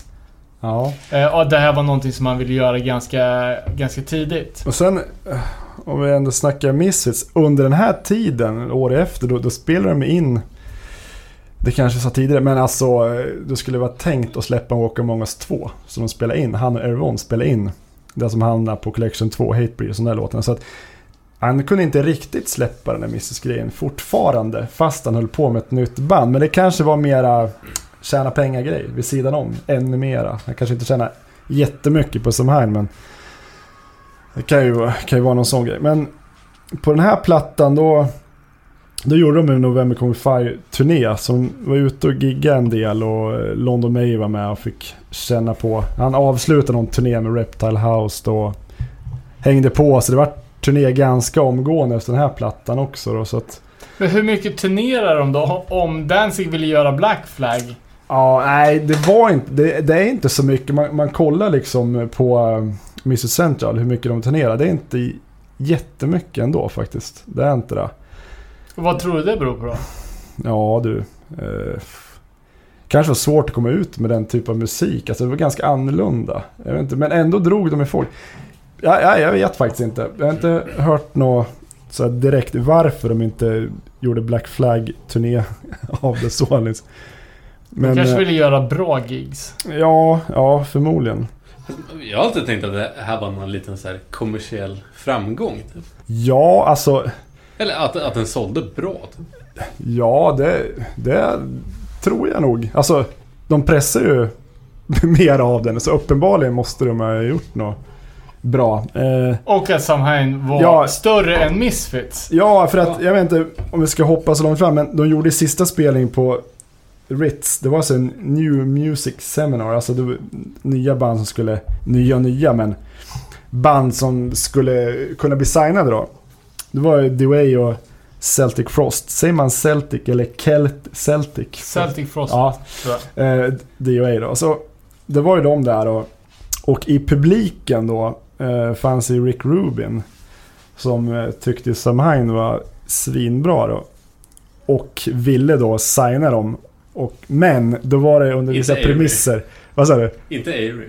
Nej, precis. Han, han tyckte han hade för vampyrig look och sådär. Och London May var för kass på trummor och Damien var för kass på gitarr. Så att han ville forma en supergrupp där. Och, eh, han, han sa ju att han al- aldrig gillar Missis men han gillar Samhain. Och så ville han väl ja, göra det till Danzig. Han sa varför det inte heter det från början. Varför det heter Samhain? Ja, kanske skulle det heta det från början. Så, här. så det var det, det som var ju starten för då Danzigs solokarriär. Man, kan, man kan ju tänka på låten To Walk the Night. Ja, Eh, från den här plattan som är... Alltså den hade ju platsat på, på Danzig 1. ja precis. Det är ju det. Det typen av liksom lite bluesigare, lugnare stuket. Ja, Och just det, liksom... eh, Den här överdansig eh, sången. Ja, liksom, ja, att det är ja. verkligen... Ja, kallar det blues eller ja, vad är det för vad fan det är liksom. Men det, jag tycker det, den låten skär sig så jävla mycket från, från det tidigare. ja men det. Ja, verkligen. Det var, det var ju då, det har London May också skrivit i en intervju, att det var ju då han fattade liksom Fan nu är det någonting jävligt stort på gång alltså, för det var väldigt annorlunda, eh, den låten. Så att, Dock inte till det bättre. för, för jag, jag, jag tycker då eh, att eh, Danzig Solo är också bra. Men det är bara just i det här sammanhanget så... Ah, jag vet inte fan, det känns inte... Det, ja. känns inte rätt. det passar nog bättre med Danzig Sol än Ja men exakt, när det kanske. bara är den grejen. Ja, är ja. att det kommer som ett avbrott liksom, typ tredje låten från slutet. Ja, precis. Nej men som sagt, Mother Mercy är ju, är ju den som står ut eh, mest skulle jag vilja påstå. Så man, man verkligen hör att ja, så, här, det här, så här kommer det mer låta framöver. Liksom. Som det blev senare. För de gjorde ju lite inspelningar efter November Coming Fire-inspelningen. Ja, som Twister Kane och Possession och sådär. Som Lords of the Left Hand. Men det blev...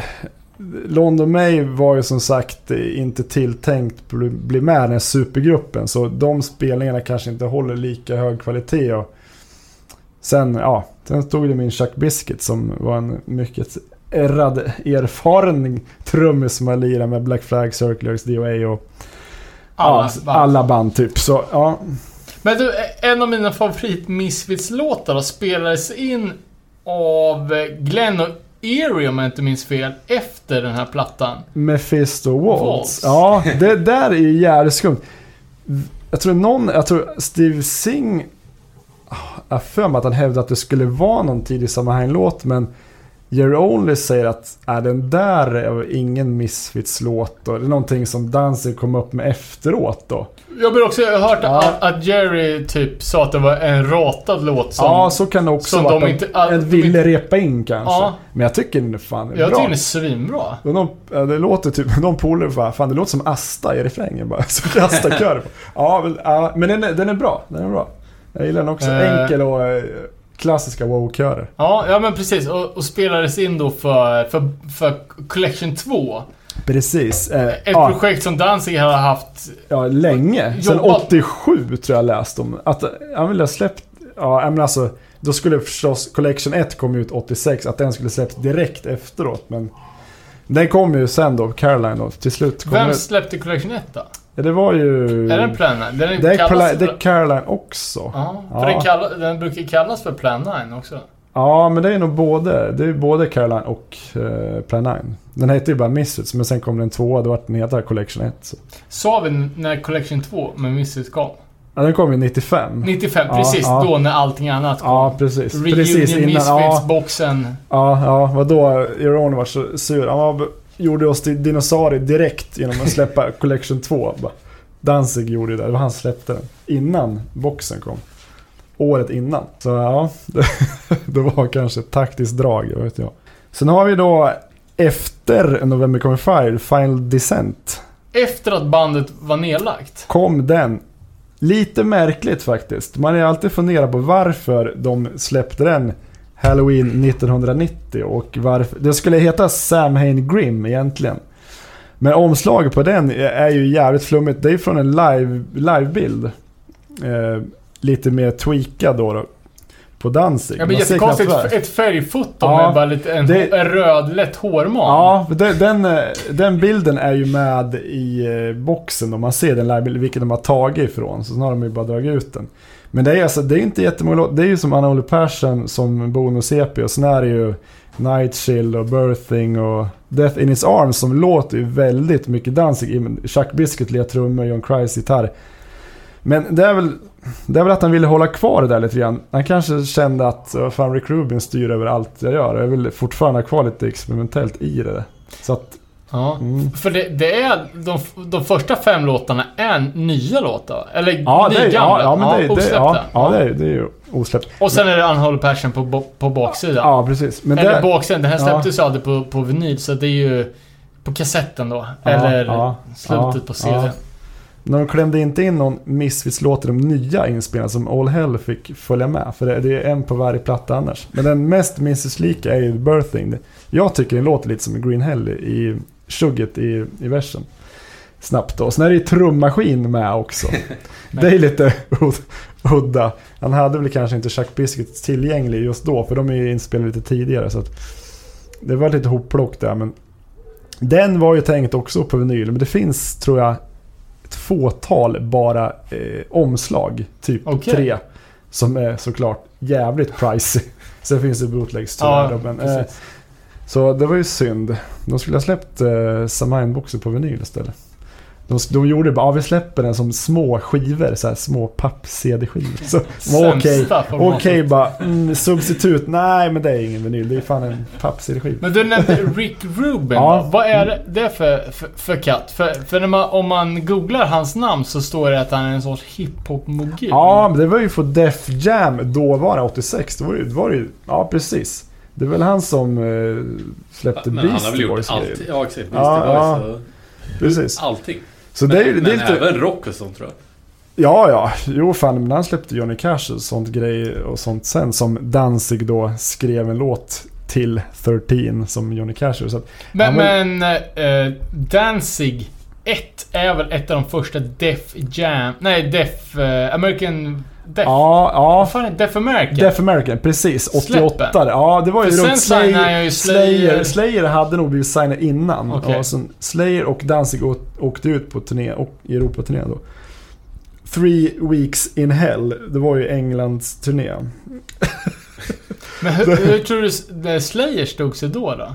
Ja, alltså de... För, three någonting i någonting är ju upp, uppenbarligen en Misfits-grej. Ja, three hits. Ja, eh, så det är konstigt att inte, att, de, att det inte hette Season av någonting Ja, eller ja, South precis. av någonting.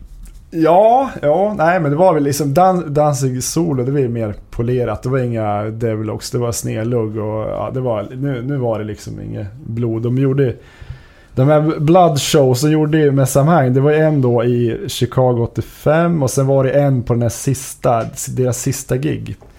På The Ritz i New York då, i juli 86 som på de extra låtarna. Eh, All Hell bland annat och London Dungeon som är i boxen. Då är det blodshow med... Eh, ja, det var ju fake blod men på Initium har jag hört talas om att det var riktigt grisblod. Jag vet inte. Nej, jag, jag Ja, hörde nyligen att, Människoblod.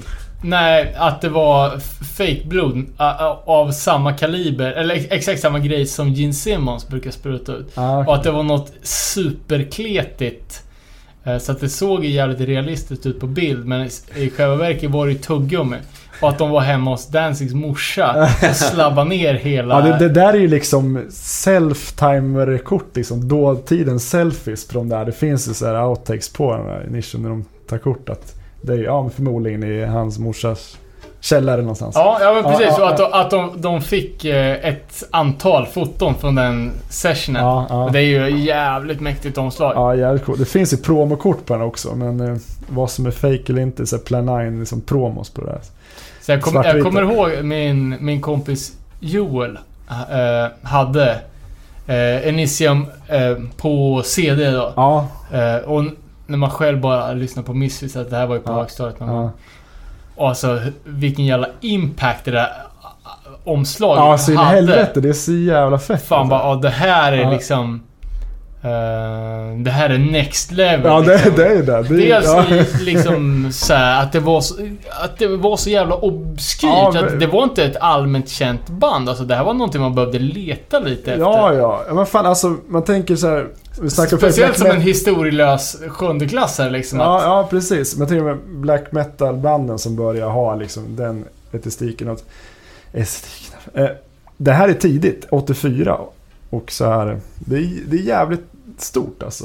Det är jävligt coolt och um, ett rejält avstamp på något vis. Att nu vill jag göra något nytt och, och liksom ta det till sin ganska hög nivå direkt. Bara indränkt i blod. Liksom inga hämningar alls. Det är ja, det, det är raka rör alltså. Ja. Tyvärr så, alltså...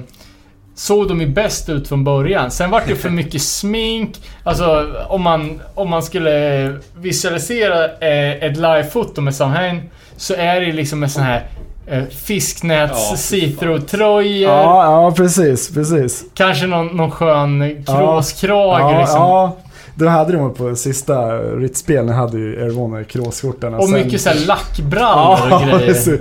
och engineer boots höga, eller MC-stövlar liksom. Kör. Men om man kollar den här, ja, det som brukar kallas för hundmasken som, Ja, som. Danzig hade väl typ med sista gigen med Misfits. Ja, precis. Den har jag sett han haft. Eh, De har ju kört några återföreningar. eh, 99, 2011, 2012, 2014. Men att tillägga 2011 och 2012 var ju Legacy-giggen. Men eh, var inne på det här senaste 30 Bloody Years-turnén. eh, Eller turnén. De gjorde några utvalda spelningar. Danzig solo. Nej, eh, Samhain. Okej.